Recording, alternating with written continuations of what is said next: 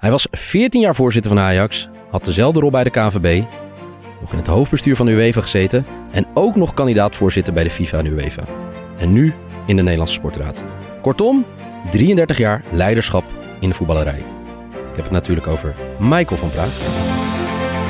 Want ik heb totaal geen verstand van voetbal. En dat hoef je ook helemaal niet te hebben als voetbalvoorzitter. Je moet mensen kunnen leiden. Je moet mensen kunnen binden. Je moet iedereen in positie houden.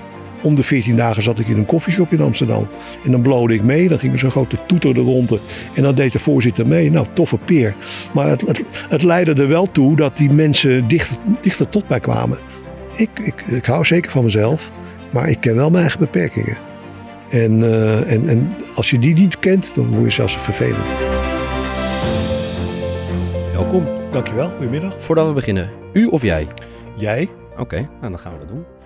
Wilco? Ja, ik, ik vond het wel mooi, uh, want we beginnen natuurlijk. En we hebben net even uh, met een kopje koffie zitten praten. Toen zei je van, ja, leiderschap jongens, ja, dat, dat, wat moet ik daarover vertellen? Dat is een soort bescheidenheid. Maar je hebt 33 jaar leiderschap erop zetten.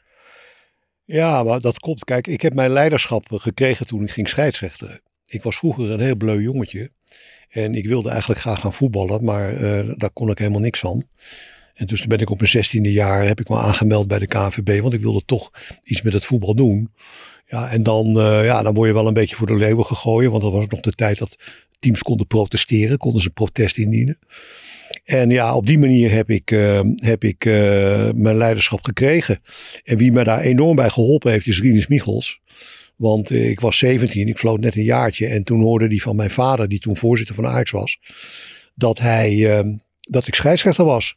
En toen zei hij van, oh nou, dan kan, misschien vindt hij het wel leuk om op donderdagmiddag de oefenwedstrijdjes van het eerste te fluiten. en dan heb ik het over Koopprins, Shaki Zwart. Ja. 17 jaar was je toen? Ja, ik was 17 jaar. Dus ik zei tegen Bobby Harms, ik zei, maar Bobby, ik kan er nog niet zoveel van. Ik ben, ben net begonnen, dus ik maak veel fouten. Dat is juist goed, dat is goed. Want die spelers die moeten leren dat ze een scheidsrechter hebben die fouten maken. Nou, daar heb ik heel veel geleerd. En uh, tot mijn 32e jaar heb ik dat eigenlijk gedaan. Maar je zei, uh, heb ik het leiderschap gekregen. Ja. Maar daarvoor, uh, je jeugd, als kind, was je ook al in de vriendengroep uh, de leider of de voortrekker? No, of, waar, waar is dat nee. een beetje begonnen? Echt bij het fluiten? Of? Ja, daar is het volgens mij wel bij begonnen. Want ik, ik was op school, wat ik al zei, ik was een vrij bleu jongetje. En ik, ik ben op mijn zestiende ben ik in een, in een band gaan spelen. En daar was ik drummer. Hè? En drummers zijn eigenlijk begeleiders. Ja, ik ben ook een, tot op de dag van vandaag een drummer die zich niet echt op de voorgrond plaatst. Dus echt begeleiden. En uh, nee, ik heb dat leiderschap uh, heb ik eigenlijk pas ontwikkeld via de scheidsrechterij. Dat is raar, hè? want je zegt ook net, die zich niet op de voorgrond plaatst. Toch nee. heb je altijd in al die functies die je hebt gehad, ja, moest je wel op de voorgrond. Ja, Was je, dat noodgedwongen dan? Nou, kijk, ik stel me op het standpunt dat als jij voorzitter van iets bent, kijk, en tegenwoordig is dat natuurlijk anders, want dan ligt die rol veel meer bij de directeur van een club, vind ik. Maar ik kom nog uit de tijd dat je echt voorzitters had. En dan ben je voor de buitenwereld het boegbeeld van die club. Ja. ja. en dan hoor je, en dat ben je voor de sponsors, maar dat ben je ook voor de supporters. En dat ben je ook voor de media. En dan vind ik wel dat je je op de voorgrond uh, moet treden in een bepaalde rol. En um, in mijn geval um, uh, vind ik dat een leider uh, in eerste instantie zijn eigen beperkingen moet kennen. Je bent pas een goede leider, vind ik, als je je beperkingen kent. En die kende ik al. Uh, een van de voorbeelden die ik daarvan wil geven bijvoorbeeld, is dat ik financieel best slecht ben. En ik ben geen geweldige onderhandelaar. Dus een van de voorwaarden voor mij om in het Ajax-bestuur toen te komen, was, uh, of een van de geruststellingen, was dat er al een, een, een penningmeester was. Dat was Arie van Os. En die man die, uh, ja, die had een groot beursbedrijf. Die was daar heel erg goed in. En um, uh, dus ik heb mij altijd omringd, ook in mijn eigen bedrijf, met mensen die um, de dingen die ik zelf niet goed kan, opvult. Heel goed. Ja. dus ik ben een heel erg collegiaal bestuurder. En ik laat mij omringen door mensen die in de dingen die ik niet goed ben, kunnen shinen.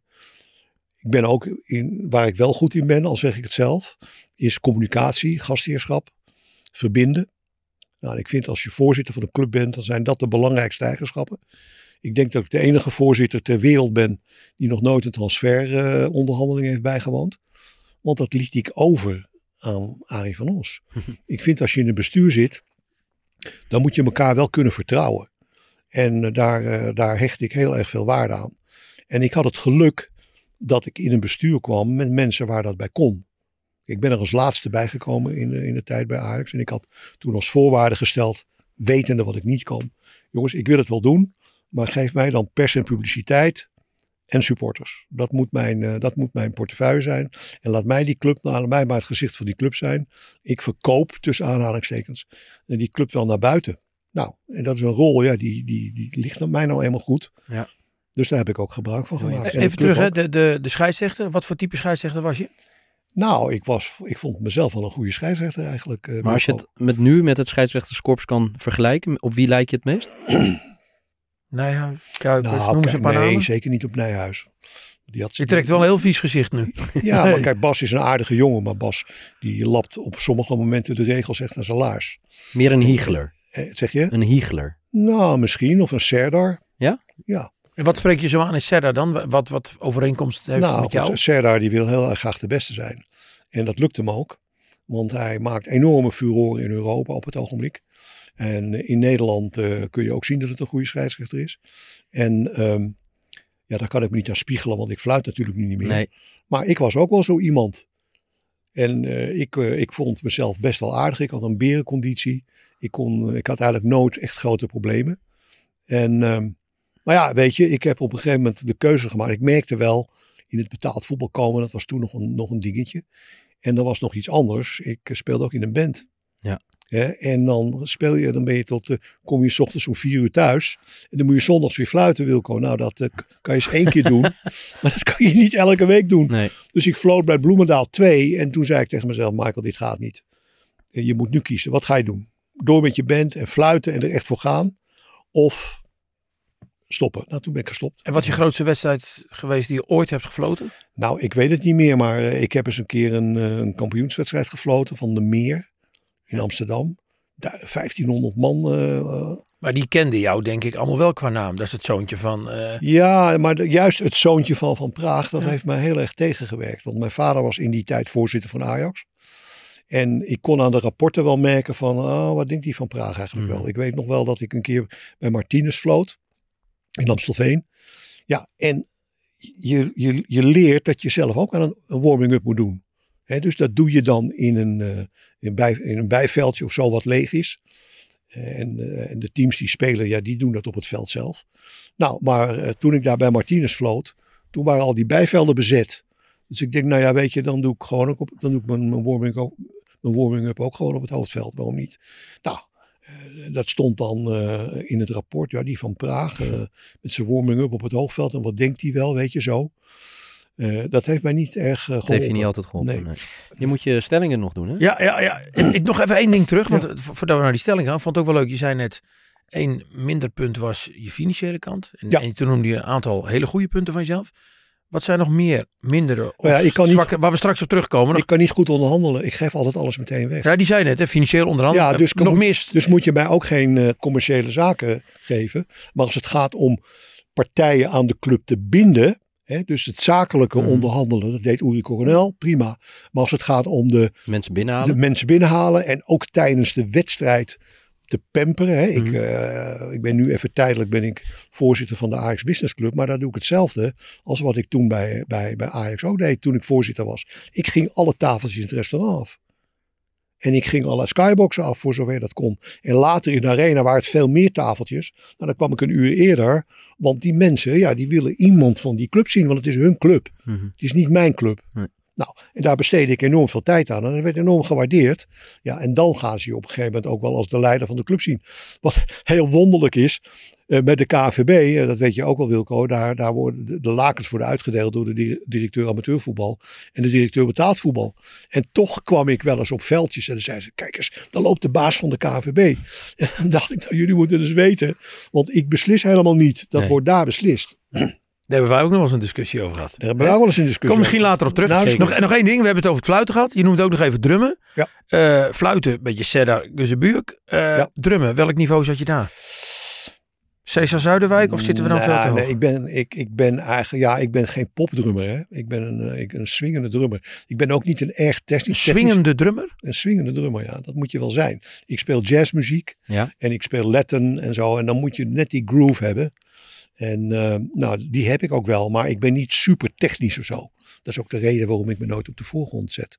Maar ik ben wel super strak. En het, en, en, en, en het swingt ook altijd wat ik doe.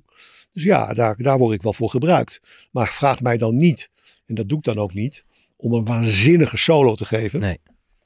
Want dan is het wel een beetje van hetzelfde. En dan val ik wel eens een Drum je nog eens? Zeker, Ja? twee bands. Nog steeds. Ik treed drie keer per week op. Ja. Alsjeblieft. Gaan we het ook nog En even in theater. Stellingen. Michael. Ehm, ja of nee? Ja. Ik ben een geboren leider. Ja. Ik ben een autoritair leider. Nee, Ik ben een empathisch leider. Ja. Ik weet wat mij drijft als leider. Ja. Mijn manier van leiderschap levert altijd succes op. nee, Ik laat ook mijn kwetsbaarheid zien als leider. Ja. De vorm is belangrijker dan de inhoud.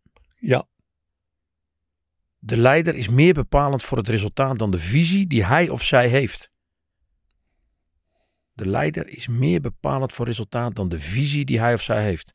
De persoonlijkheid van de leider, zie je vaak in de politiek, is meer bepalend dan de visie die hij of zij heeft. ja. Mijn leiderschap heeft altijd impact. Sorry? Mijn leiderschap heeft altijd impact. Nee. Als ik premier van Nederland was, zou ik het heel anders doen. Je begint te lachen. Ja, Ik- Oh, daar wil ik zo nog meer voor. Ja. Ik heb wel eens gefaald als leider. ja. Er zijn even twee dingetjes, toch? Ja, jij wilt zo even dat politieke. Ik een hele interessante is, eh, de vorm is... er zijn er al tien voorbij. Hoor. Heb- Moet ik Nee, nee, nee, nee, nee, nee, nee, jou nee? Nee, nee, Oh, natuurlijk niet. Zie je dat hij toch de leiding wil nemen? Ja, ja, dat Ja, we moeten oppassen, toch in, hè? Ja. Ja. De vorm is belangrijker dan de inhoud als leider. Waarom ja? Nou, ik zal je vertellen. ehm, ehm, hoe zal ik dat uitleggen? Dat hangt er vanaf hoe je je leiderschap invult. Als alles via jou loopt, ja, dan is de inhoud wel heel erg superbelangrijk. Maar neem nou bijvoorbeeld eh, wat ik straks zei bij Ajax, de transferdingen. Als het over transfers ging, over de inhoud daarvan, had van ons het woord, niet ik. Nee. Hè? En ik hielp hem wel de zaak, eh, de zaak goed over het voetlicht te brengen. Maar hij, hij, deed, hij deed de inhoud. En dat wil niet zeggen dat ik de, de inhoud niet beheerste. En eh, bij de persconferenties was ik vaak degene die het woord deed. Ja, en dan, eh, dan, dan is de manier waarop je dat doet, de manier waarop je je boodschap brengt, is vaak belangrijker dan wat je zegt. En eh, dat weet je ook bij presenteren. Hè? 15% van een presentatie is, is maar de inhoud van belang. Mhm. Hè? 70% de manier waarop je het doet. Ja. Nou, dat geldt ook voor de voorzitter van een club. Het is wel mooi dat Niel dat zegt, want heel weinig mensen durven te zeggen Ja. dat de vorm belangrijker is dan de inhoud. Ik vind het echt opvallend dat je het zegt. Ja. Ik ga een heel groot gedeelte ook met je mee eh, daarin, omdat ja, de Maar- inhoud van nee, het, het een kan niet zonder het andere. Hè? Laten we eerlijk nee, zijn. natuurlijk. Maar ik vind het wel mooi dat Michael dat op deze manier benadrukt. Zijn er niet veel die dat doen? maar wel één ding, nooit liegen. Dat heb ik wel geleerd. Want Ik- eh, wel van geleerd dat je een keer hebt gelogen. dat- Nee, nee, nee, nee, je moet nooit liegen. nee, maar omdat je zei, ik, ik dacht dat je ging zeggen, hier heb, ik heb ooit gelogen en dat is me... Nee, nee, nee, nee, nee, nee, nee. Ik heb wel met mensen gewerkt die dat wel deden. En die er, sommigen kwamen er mee weg en anderen kwamen er niet mee weg. Ja. Dus dat hangt van de persoonlijkheid af. Maar ik heb, eh, ik heb ooit een, eh, mijn allereerste interview was met Frits Barend en Henk van Dorp. Die schreven nog voor de revue toen. Ja, En Frits ken ik vanaf mijn vijftiende jaar. Dus ik denk, nou, weet je, dat kan ik wel doen. Ze waren best, best wel een beetje berucht in die tijd. En eh nou was gezellig. Een kopje koffie. Sorry. Kopje koffie. En Henk van Dorp zei, ja, eh, voor je het weet. ehm, je bent nieuw in deze wereld. Maar als wij willen, ben jij binnen een half jaar weg hoor. Dat je wel weet dat wij dat voor elkaar krijgen als journalisten. en toen dacht ik, nou, hoe moet ik daar dan mee omgaan? Nou, in elk geval de waarheid zeggen. Ja. Want ze komen er altijd achter als je liegt. En dan, ja, joh, dan word je geslacht en terecht. Maar dan moet je een handige manier eh, vinden om, eh, om, om de dingen die je niet wil zeggen, niet te zeggen. dus de, het, kan het kan als leider dat je dus, al- je moet altijd de waarheid spreken Ja. en als het niet kan, dan kan je het beter verzwijgen. Dan kan je, het- dan kan je het er beter niet over hebben. Ja. En als je dat Niet dan, verzwijgen, want dat is een negatief. eh, maar als je er wel over gevraagd wordt en je kan het er niet over hebben vanwege alle nou, belangen. dan zeg ik, daar kan ik op dit moment nog geen mededeling over doen. Wel opvallend wat je zegt natuurlijk. eh, beeldvorming. We hebben het met de andere mensen ook in deze podcast veel over. eh, als we willen, ben je binnen een half jaar van het toneel verdwenen. Dat Ja. is nogal wat. Dat werd mij gezegd. Was in het begin van je carrière. Maar is dat nu nog zo? Hè, Het leiderschap in voetbal, massamediaal, iedereen kijkt mee. Er zijn programma's als ze jou niet mogen. Ik denk dat dat, eh, dat, dat nu ook zeer zeker kan. Eh, nog wel meer dan in mijn tijd. Want je hebt nu een, een nieuw fenomeen. Dat zijn social media. Ja. Nou, ik hoef jullie niet uit te leggen. En ook de luisteraars niet. Wat, wat er op social media kan gebeuren. Ik denk dat als je... Maar dan moet je het wel bond maken hoor. Want het is niet zo dat, eh, dat, dat de journalistiek hier zegt... Oh, die, eh, die gozer zullen we nou eens even wegpesten. Maar ik, eh, ik ben ervan overtuigd dat, je, dat het mogelijk is... met een voortdurende negatieve berichtgeving... als Mhm. dat zou plaatsvinden... in de richting van een persoon, hè? niet van de club, van een persoon, gelardeerd met scheldpartijen en bedreigingen op social media, ja, dan denk ik dat je zo weg bent. Ja. Ik doe af en toe presentaties voor, voor bedrijven en dergelijke. En Ja. Dat gaat dan over leiderschap, maar ook Ja. over de druk in de media. En ik noem er altijd het voorbeeld van een zeer respectabele ondernemer. Ook een bestuurder van de KNVB geweest, ken je ook. eh, Johan Lokhorst. Ja, zeker. Ja, ja. die in mijn ogen, en ik heb daar met Johan ook wel eens over gesproken, ehm, gewoon aan onderdoor gegaan is, doordat dingen ook continu op straat herhaald werden. En als hij bij de bakker stond, dat heeft hem echt geraakt. En dat was een, Ja. een- de man was al 60, 65 en die leeftijd, zeer ervaren ondernemer, zelfs bij de UEFA Een dingen hele gedaan. prettige collega. Echt, Heb kwam op een altijd. functie waarvan iedereen natuurlijk dacht in het voetbal, wat leuk, ga ik toch nog even doen. Ja. En is daar eigenlijk wel aan onderdoor gegaan. Ja. Dat was heftig. Maar weet je eh, hoe dat ook komt? Ik, een, een, een leider die, die zichzelf te weinig laat horen, en dat was met Johan het geval, ehm, daar gebeurt dat ook mee. Ik Mhm. vind ook echt dat de buitenwereld, de media, als ik ze zo dan even mag noemen, Ja. heeft recht op informatie. De media is het doorgeefluik van je succes. Is mijn mening. Ja. Dus je moet Die wel. heb je nodig. Ja, en ik vind dat dat bij de KNVB tot op de dag van vandaag veel te weinig gebeurt. De KNVB zou veel opener moeten zijn, zou veel meer moeten vertellen wat er aan de hand is, eh, zou veel meer moeten laten zien van de mens achter de, de functionaris. Dat gebeurt niet. Hm. En dat heeft gewoon te maken, met, en dat zie je ook in veel bedrijven, met de afdeling communicatie. Ja. Die remmen dat. Ik ben ook heel erg vaak geremd in, eh, in dat ik iets wilde gaan doen. En dan, dan mocht dat niet van communicatie. En waarom niet, denk je? Wat was hun reden? Ja, ja, nee, hou het maar klein, krijg je dan als antwoord. Want? Want eh, anders wordt het een grote zaak en dan wordt het opgeblazen. En dan gaan er allerlei mensen mee. Het is beter om het klein te houden. Moet Maar je, ik, ik wil nog Nou, wel even... ik, mag ik je één voorbeeld daarvan ja, geven? tuurlijk. Eh, er is op een gegeven moment, eh, ah, kwam er vanuit Duitsland een enorme beschuldiging dat ik, eh, toen ik in het UEFA-bestuur zat, Ja. dat ik partijdig zou zijn in de wedloop tussen Duitsland en Turkije. Met betrekking tot het eh, binnenhalen van het Europees kampioenschap. Nou, Duitsland heeft dat nu. En dat kwam omdat er ergens een fotootje opdook van mij in een ruimte waar Erdogan stond. Ja. Dat was in de bestuurskamer van Besiktas. Nou, dat was een hele goede verklaring voor waarom ik daar stond. Ja. Ik was daar namens de UEFA met de Stadion- en Veiligheidscommissie, waar ik voorzitter van ben. Een hele goede verklaring. En ehm, ik was bij, een, eh, bij de NOS, die hadden een, een soort, eh, dat doen ze één keer per maand, dan nodigen ze iemand uit. En die kunnen dan met medewerkers onder het genot van een broodje en een kop koffie even over eh, voetbal en dingen praten. En eh, de camera stond al klaar, want die wilde namelijk graag van mij een verklaring daarover hebben. En die had ik ook heel erg graag willen geven, want ik stond op een gegeven moment bekend als de vriend van Erdogan. Mhm. Weet je wel. En, en, en, en die Duitsers waren boos, et cetera, et cetera. Dus ik had mezelf heel graag willen verdedigen. Maar daar heeft communicatie van de KNVB toen een stokje voor gestoken. En dat was eh, in mijn voorlaatste jaar. En toen heb ik mezelf voorgenomen, ook gezegd. Heren, ik luister niet meer naar jullie. Nee. Ik doe vanaf nu wat ik zelf wil. Ja. En ik ben mans genoeg om ervoor te zorgen dat de KNVB daar geen schade van onderlijdt. Nee. Dus ik hou ook wel eens een lezingje. En dan zeg ik tegen mensen die leiders zijn. Jongens, weg met de afdeling communicatie. weg met de voorlichters. Je ziet het nu weer bij Schiphol. Hè? Ja. Ehm, afgelopen, hè, het is nu weer, ja, Dick Benschop, veel te laat gezien. Ja. Terecht kritiek op geweest. Zeker. Hij is een paar keer op de televisie geweest. Ja. Daar kan je van vinden wat je wil, maar de baas staat er. Ja. Dat hoort zo. En nu, gisteren en eergisteren waren er weer lange rijen. En wie krijg ik weer? Kijk, weer een woordvoerder. Dat is niet geloofwaardig. Maar wat Nee. zijn de kernkwaliteiten dan in zo'n situatie van een leider? Want iedereen kan iets leiden, en zeker in de sport als het goed gaat. Maar slecht gaat moet je er staan. Ja. Wat komt er dan kijken bij die leider, waardoor je dan leider kan zijn? Nou, En naar voren kan stappen? wat er daarbij komt kijken is persoonlijkheid. Wat, wat er daarbij komt kijken is dat je goed uit je woorden kan komen. En als jij leider wordt van een organisatie en je kan het nog niet, dan moet je een training volgen. Hè? eh, mediatraining. Ja, en dan zeggen journalisten, ja, jij volgt mediatraining om, om, om mijn vragen te kunnen ontlopen. Nee, je moet mediatraining geven om op een hele goede manier uit te leggen wat een club beweegt of wat er op, eh, wat er op een dag gebeurd is. Ja, ik speel de bal terug. Jij hebt een ongeluk gehad in het stadion, eh, Wilco. Dat was heel erg rampzalig. Voor de club wil niemand. Jij stond daar, jij deed dat zelfbewust, jij deed dat goed. Je had ook je persvoorlichter kunnen sturen, niet gedaan. Ja. Dat, zo moet je dat doen. Maar, ik denk het ook een beetje ook- natuurlijk. Ja, nee, maar is het dan ook als leider ook op een gegeven moment erkennen dat je niet de juiste persoon bent voor die situatie? Is dat ook, tekent dat ook een sterke leider? Nou, ik vind als jij, eh, als jij een sterke leider bent en je bent niet in staat om op een goede manier interviews te geven of op een goede manier uit te leggen, op een geloofwaardige manier uit te leggen, die ook overkomt eh, van het- hetgeen je zeggen wil, of dat nou een voetbalclub is of een bedrijf, nou, dan moet je niet op die positie gaan Nee. zitten. Maar in, in het voetbal, als we dan kijken naar een stukje werving en selectie van, noem het even algemeen directeur, dat zijn toch de boegbeelden waar we het net over hebben.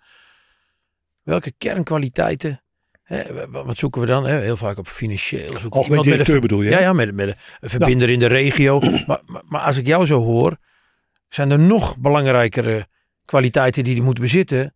Ja. In de, in, in de lijn van communicatie en dergelijke. Zeker. Ik, eh, ik vind, eh, je moet, de, de, de leider moet zelf het verhaal van de organisatie vertellen. Niet laten doen. Voorbeeld.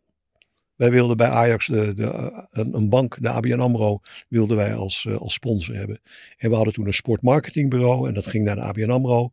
Hè, het was, ik praat over eh, 1990, 92. Begin jaren 90. En die ging Ajax verkopen.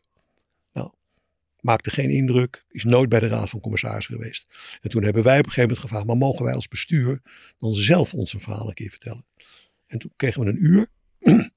en daar hebben we kennelijk, eh, dat konden we ook zien. Het vlammetje, het vonkje sprong over. Want je doet het met enthousiasme. Je staat voor zo'n club. Je staat voor de organisatie. Je weet wat er speelt. De leiding van de club, in dit geval het bestuur, zat daar. En iedereen deed zijn dingetje. Ik deed mijn dingetje. Van Os over de financiën. Oei over de plannen van co- commerciële zaken. En de ABN AMRO zei, nou dat is een goed verhaal. Dat gaan we eens onderzoeken. 30 toen jaar ze later zijn ze nog steeds sponsor. En vanaf dat moment, vanaf dat moment stond ik voor de troepen als er iets aan de media te vertellen was. Ja. Interessant. Ehm, Premier van Nederland vond ik Ja. ook nog wel een mooie. Toen begon je te lachen en toen, je was heel snel. Ja, als ik premier van Nederland zou worden, zou ik heel veel anders doen. Wat? Waarom? Nou ja, ik Gaat het zou, zo slecht? ik- nou nee hoor, ik vind... eh, het- En dan kijk ik naar leiderschap. ja, hè, ja, precies. Het gaat mij even niet om eh, de, de beslissingen die genomen worden. Hè, dat, dat, die, wordt, neemt de die neemt de premier niet in zijn eentje. Nee. Die neemt hij met een heel kabinet. Hè. Maar op een gegeven moment moet je een bepaalde beslissing moet je gaan uitleggen. Nou, je moet eens weten hoeveel beslissingen ik bij Ajax niet heb uitgelegd waar ik het zelf helemaal niet mee eens was. Ja. Maar, en bij de KNVB ook. Maar dat, je, je, kijk, niets is groter dan de club. Dus je, staat daar na- namens je organisatie. En de organisatie, je regering vindt dit. hmm, Dat moet je dus brengen. Nou, ik vind, eh, zeker in de tijden waarin dat nodig is, dat er vanuit de presentatie van de minister-president, maar ook van andere eh, bewindslieden, ja, daar gaat te weinig eh, empathie van uit. Ik bedoel, je moet je wel kunnen inleven in het feit, je ziet het nu ook met de hoge gasprijzen, dat mensen hun, hun, hun rekeningen niet kunnen betalen. Nou, sla dan even een andere toon aan, weet je. Ja. En, en een ander gezicht en doe iets met je lichaamstaal. En dat, eh, dat zit er op dit moment niet in. Is dat misschien wel het belangrijkste, dat je die feeling houdt met de achterban? Dat is dan voor Maar een politiek leider met, met mensen die op hem of haar hebben gestemd. Zeker, maar Ja. ook met de mensen die niet op hem of haar hebben gestemd. Nee. Ik bedoel, eh, ik ja, ga maar weer terug naar het voetbal. Ik men was mijn meeste. Kijk, we hadden heel veel gedonder met de F-site in de tijd. Ja. Vechten, brandsteken, de hele boel. eh, bedreigingen, noem het allemaal maar op. Nou, supporters was mijn portefeuille. Dus ik ging, ik denk wel dat 80% van mijn tijd heb besteed aan het contact leggen met supporters. Mhm. Ik, om de 14 dagen zat ik in een koffieshop in Amsterdam. En dan blode ik mee. Dan ging er zo'n grote toeter de ronde. Ja. En dan deed de voorzitter mee. Nou, toffe peer. Maar het, het, het leidde er wel toe dat die mensen dichter, dichter tot mij kwamen. Hè, en dat ik een beetje kon begrijpen wat er in die wereld leefde. Ja. Met rompertjes naar, eh, naar, naar, naar eh, eh, supporters waarvan hun vrouw een kind had gekregen. Dat deed ik allemaal. En niet van, kijk, die van Praag is goed zijn. Helemaal niet. Het is hun club. En, zij, zij, voelen zich, zij voelen zich tot die club, eh, voelen ze, daar voelen ze zich verbonden. Dat is hun leven. Ja. Nou, Maar wat, wat ik interessant vind, want de wereld is heel erg veranderd eh, sinds je voorzitter bent geweest. Dus 30, nou, 30 jaar geleden bij Ajax. Uh, ik, ik, zat net uh, wat, wat, dingen op te zoeken. Er is natuurlijk een paar jaar geleden, je gaf zelf net het voorbeeld, sociale media, de wereld ja. veranderen. Je hebt ooit een tweet geplaatst. Hè? Dat was bij de Europa League finale in Azerbeidzjan. Ja. Chelsea-Arsenal, indrukwekkend. Ja. Nou, daar is heel veel backlash op gekomen. Ik ben dus benieuwd, los van, je, je, gaf zelf het verhaal aan, hè? dat was twee uur van tevoren. Zou je die tweet opnieuw hebben geplaatst? Ja, met een andere tekst. Wat had je dan nu? Nou, kijk, weet je wat het is? Ik ben, ik ben, ik ben cabaretier, hè? dat weten jullie misschien nog niet. Maar ik heb acht jaar een cabaretgroep gehad. En ik, Wat ben je niet geweest, Michael? Ja, dat weet ik niet. Maar ik, ik heb liedjes gecomponeerd, teksten geschreven en zo. Mm -hmm. En die moet ik allemaal nog eens opnieuw in, uh, inspelen en zo. Maar kijk, ik dacht... En, en laat, ik, laat ik nog even, voordat ik het antwoord geef. Weet jij de tweet? Als ik ruzie krijg Maar- met mensen... Nee. Nee, ik leg hem even uit aan Ja, Wilco. En misschien ook voor de luisteraars, Ja. want sommigen zullen het ook niet weten. Eh, het is het stadion Baku. Er is best wel veel ophef dat de Europa League finale daar wordt gespeeld. Chelsea-Arsenal. Weinig kaart- kaarten voor Chelsea, eh, voor, voor de Engelse supporters. Ja. Er is een speler die niet af kan reizen voor Mkhitaryan. Vanwege de politieke spanningen tussen Armenië en Ja. Azerbeidzjan. Dat zij zo. En Michael is bij die finale en die post een foto. Van bijna, een leeg stadion. bijna leeg stadion. Indrukwekkend Ja. in die foto. Ja. En op dat moment is, zonder ik denk dat Michael dat op de- dat moment weet, trending topic in Nederland. Het woord indrukwekkend is trending is topic nog in steeds Nederland. een hashtag. Ja. Ehm, Ja. Maar dat, dat, je zit daar, voor mij was jij destijds als UEFA-bestuurder daar aanwezig. Zeker. Eh, en dan gaat het over de binding met de achterban en sociale media. Dus ik was benieuwd, één, zou je hem nu nog steeds hebben geplaatst als, Ja. eh, als leider? Alleen een andere tekst? Ja, ik zou, nou, maar misschien zou ik hem wel weer net zo hebben geplaatst. Want? Omdat wat jij zegt niet juist is. Oké. Waarom waren er zo weinig kaarten? Weet je dat? Eh, nou, in ieder geval wat, wat altijd een doorn in het oog is bij supporters, dat er maar een klein gedeelte gaat naar supporters en dat het grootste gedeelte onder de UEFA, onder de sponsoren wordt ja, verdeeld. Nee, nee, nou goed. Dat is niet waar. Dat, dat- maar dat is, ook, dat is niet waar om te beginnen. En in de tweede plaats. hè, Het, het is niet waar dat, supporter, dat er heel veel kaarten naar UEFA gerelateerd Jawel, maar, maar niet een heel klein deeltje naar supporters. Oké. Er waren voor die, er waren voor die, voor die wedstrijd waren er 20.000 kaarten. 10.000 voor de ene ploeg. En hoeveel 10.000, konden in het stadion? Eh 80, 90.000. Ja, oké. ja? Ja. Maar wat is nou het geval? Die twee Engelse clubs, die hebben dezelfde reisbureau als hoofdsponsor. En die moest dus nu opeens voor twee clubs reizen organiseren. Ja. En dat kon niet, want er waren niet voldoende vliegtuigen. Mhm. En dat is de reden waarom het uiteindelijk 5000 per club is geworden. Oké. Want het maximaal ja dat wist Nee, maar ik. dat heeft, ja, dat, Nee. dat, maar goed. Maar dat heeft niks met de tweet te maken. Jawel? Oké. Jawel, want, eh, want eh, ik, werd daar, ik werd daarvoor gekapitteld. Want er konden zogenaamd zo weinig Engelsen naartoe. Nou, daar ligt het aan. Hmm. Niet aan de UEFA, Hmm. want men dacht dat ligt aan de UEFA. Dus die van Praag, Bobo, die maakt ook schuld. Nee, daar ligt het aan. Mhm. Die speler, die, waarvan jij zegt dat hij niet Mkhitaryan. reizen. Die heeft van de president van het land de persoonlijke garantie gekregen, ook in de media. Dat hij rustig kon komen, dat hij veilig was. Hij heeft echter zelf besloten Ja. om niet te gaan. Nou, wat gebeurt er nu? Dat is de achtergrond. Als ik ruzie krijg met mensen, Mhm. ik krijg nooit ruzie met mensen, behalve via Twitter. Of via een mailtje. Ja. En dat komt omdat ik schrijf dan iets en dan denk ik, nou dat begrijpt die persoon wel. Maar dan wordt dat toch anders opgevat. Dat ligt niet aan die persoon, dat ligt aan mij. Ja. Dat ligt aan de manier waarop ik iets schrijf. Nou, wat was nou die tweet? Mhm. Ik ben voorzitter van de Stadion- en Veiligheidscommissie. Hè, dus ik weet veel van stadions af. Ja. Ik heb tientallen stadions moeten inspecteren. Hè, en ik kom in een werkelijk fantastisch mooi stadion. Met een prachtige belichting en de hele handel. Als ik nou had uitgelegd, jongens, ik ben hier in, in, in, in, in, in- in deze functie, ben ik hier. En ik, daarom vind ik het een mooi stadion. Ja. Nee, ik zeg alleen indrukwekkend. Ja. Dus ik dacht, die mensen begrijpen wel, god, die van Praag, die vindt dat, vindt dat een, een mooi indrukwekkend, indrukwekkend stadion. Hè. Het ligt gewoon aan het feit dat ik het niet goed heb uitgelegd. Dus het is mijn schuld. Of heb je het misschien niet goed gerealiseerd? Dat wij soms in- ook in ons leiderschap denken dat we het goed doen. En dat we ons niet realiseren Nou. wat daarachter gebeurt. En, Ja, ik zei, dus, ik, ik heb inlevingsvermogen. zeker, ik heb nog een andere tweet voor je. Eh, ik was. eh, Die de- balzaal. Ja, ja, die Ja. herken, ik ook nog wel. ja, maar moet je kijken. De, de, de, Maar ook even uitleggen, jij zat ook namens de Ja, ik UEFA. Het was nou, in Turkije, de toch? Ja. besparen. De FIFA organiseert zes keer per jaar bijeenkomsten over de hele wereld voor alle bonden. Mhm.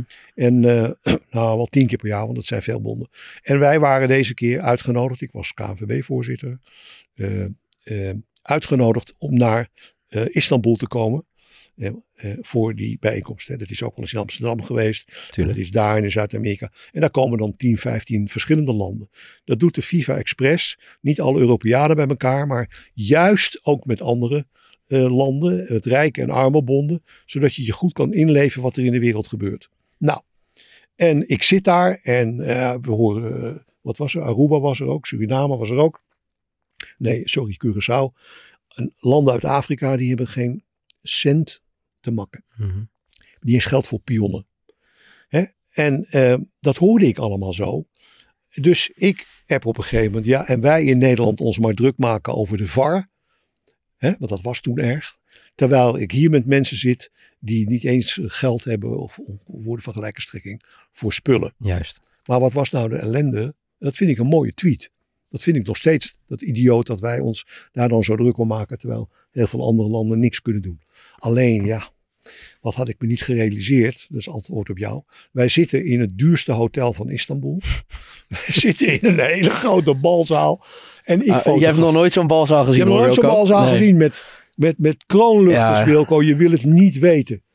Maar ik filmde, fotografeerde die mensen. Ja, ik had natuurlijk veel beter alleen het logo van die bijeenkomst kunnen laten zien. Ja. Van de FIFA en weet ik van wat allemaal. Maar ik heb me niet gerealiseerd dat die foto, niet eens die tekst, maar die foto natuurlijk net een averechts effect had. Ja, Maar ik- Dit zijn communicatieve dingen hè, die, die, die je misschien anders zou doen. Zijn er dingen in jouw carrière, van je leiderschap, eh, Ajax, UEFA? Ja, maar ik wil, ik wil nog even Oh. één dingetje vragen. Of, of dit dan je, je ook mee naar huis neemt. Of je iemand bent die daar lang mee rondloopt. Als je ja, ziet natuurlijk, hoeveel... want nee, ik kreeg meteen de afdeling communicatie van de nee, maar KVB los van, van de mensen in Zeist. En maar de mensen die op Ja, jou reageren. want Raakt daar het de mensen daar leer ik van. Daar leer Ja. ik van. Maar wa- wa- waarvan leer je, wa- leer je dan dat je de volgende keer dan niet zo'n tweet stuurt? Of Ja. dat, dat je anders dat doet?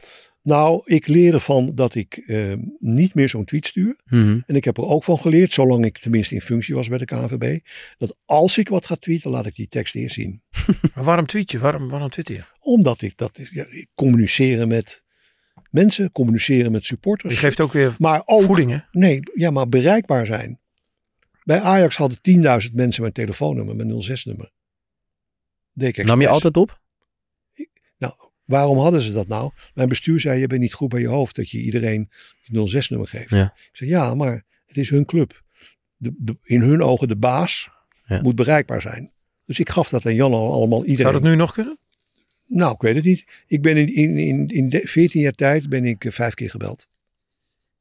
maar Dat- waar ging het om? Ja. Dat ze hun telefoon konden pakken. Konden zeggen, kijk eens jongens van Praag. Ja. Ik zo bellen hoor. Daar ging het om. En het heeft me ook nog wel eens een keer geholpen toen ze de bestuurskamer kwamen bestormen. Maar, ehm, ehm, dus ik wil altijd bereikbaar zijn. Dus ik wilde als KNVB-voorzitter ook bereikbaar zijn. En er zijn natuurlijk ook heel veel eh, direct messages, hè, directe berichten geweest. Of mensen die dan uiteindelijk, eh, wie ik mijn e-mailadres gaf. Waar ik eh, aan het feit dat ik op social media zat, of zit. Eh, alleen gebruik ik, lees ik het alleen eigenlijk nu nog maar. En ik af en toe voor de sportraad een tweetje. Maar eh, daar heb ik ook heel veel aan gehad. Want ik heb daar ook contacten door gekregen met mensen.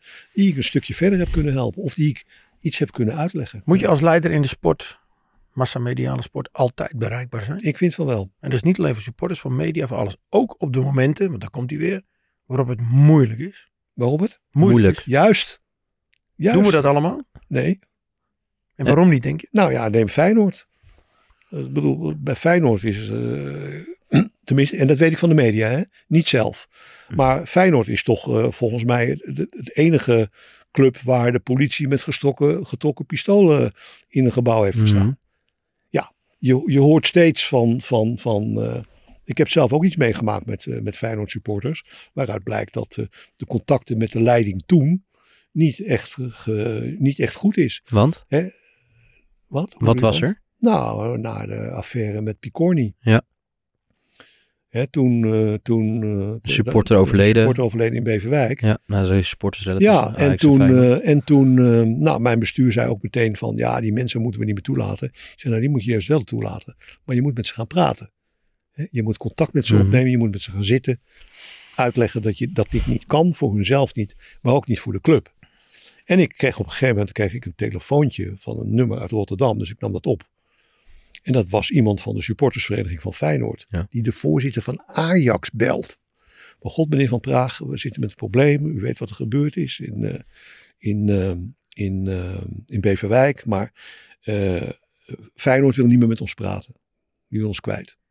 Zou u niet eens langs willen komen bij ons, met ons te praten en kijken of u ons misschien kunt helpen dat meneer Van der Herik weer met ons wil praten. En zo is geschied. Hmm. Ik ben op een donderdagmiddag, uh, zonder de politie hier te waarschuwen, die zijn daarna heel boos geworden op mij, ben ik naar, Amst naar Rotterdam gegaan, naar de Kuip. Ik werd ontvangen in een kantoortje. Nou, daar zaten allemaal uh, grote, grote Feyenoord supporters. Maar ik wist dat ik veilig was, want ze hadden mij zelf gevraagd of ik ze wilde helpen. Nou, uh, en dat vind ik nogal wat, dat een Mhm. Feyenoord supporter, de, de, de, de voorzitter van Ajax, hè, in hun ogen vaak de vijand, belt voor hulp. Nou, en later reed ik terug en toen was ik eigenlijk nog wel trots dat ik het kennelijk uh, een, een, een, dusdanige status in uh, de voetbalwereld had dat dit kon gebeuren. Altijd blijven praten dus met mensen. Altijd blijven praten en, en ook gewoon eerlijk zeggen, jongens, dat kan niet. Nee. Hè? Maar niet praten en ze maar de zin geven. Ja, dat leidt tot uh, toestanden die we nu veel te veel zien. En moet, moet je dan soms wel eens, ook als je naar je, je oude club kijkt, uh, ook daarover communicatie, neem het hele MeToo-verhaal, het was een hele heftige situatie voor je club.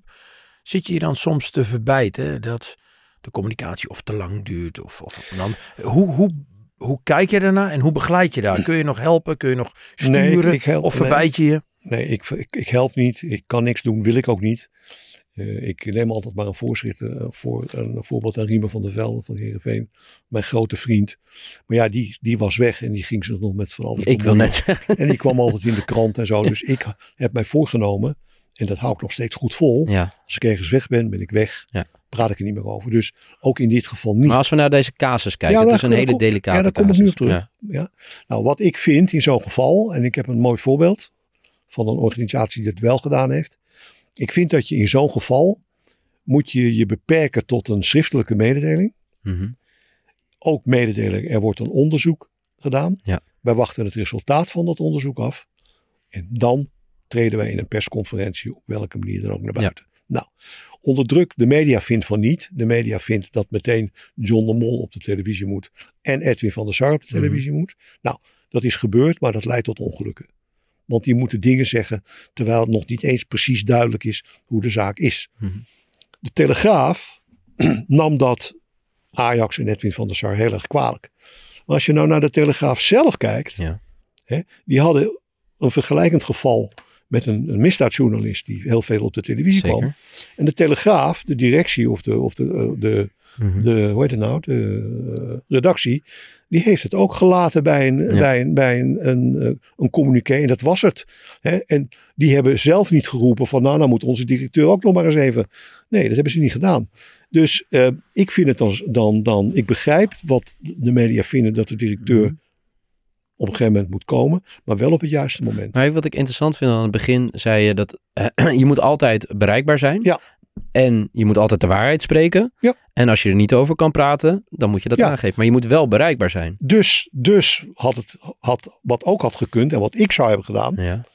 ik zou uh, zelfs aan de, aan, de, aan de media gevraagd hebben, jongens willen jullie alsjeblieft met de camera komen? Oké, En dan had ik gezegd, luister, ik begrijp dat er een hoop, uh, ja, woorden die ik nu bedenk, hè. tuurlijk. En jongens, ik begrijp dat er een hoop ophef over is. Het kan ook niet.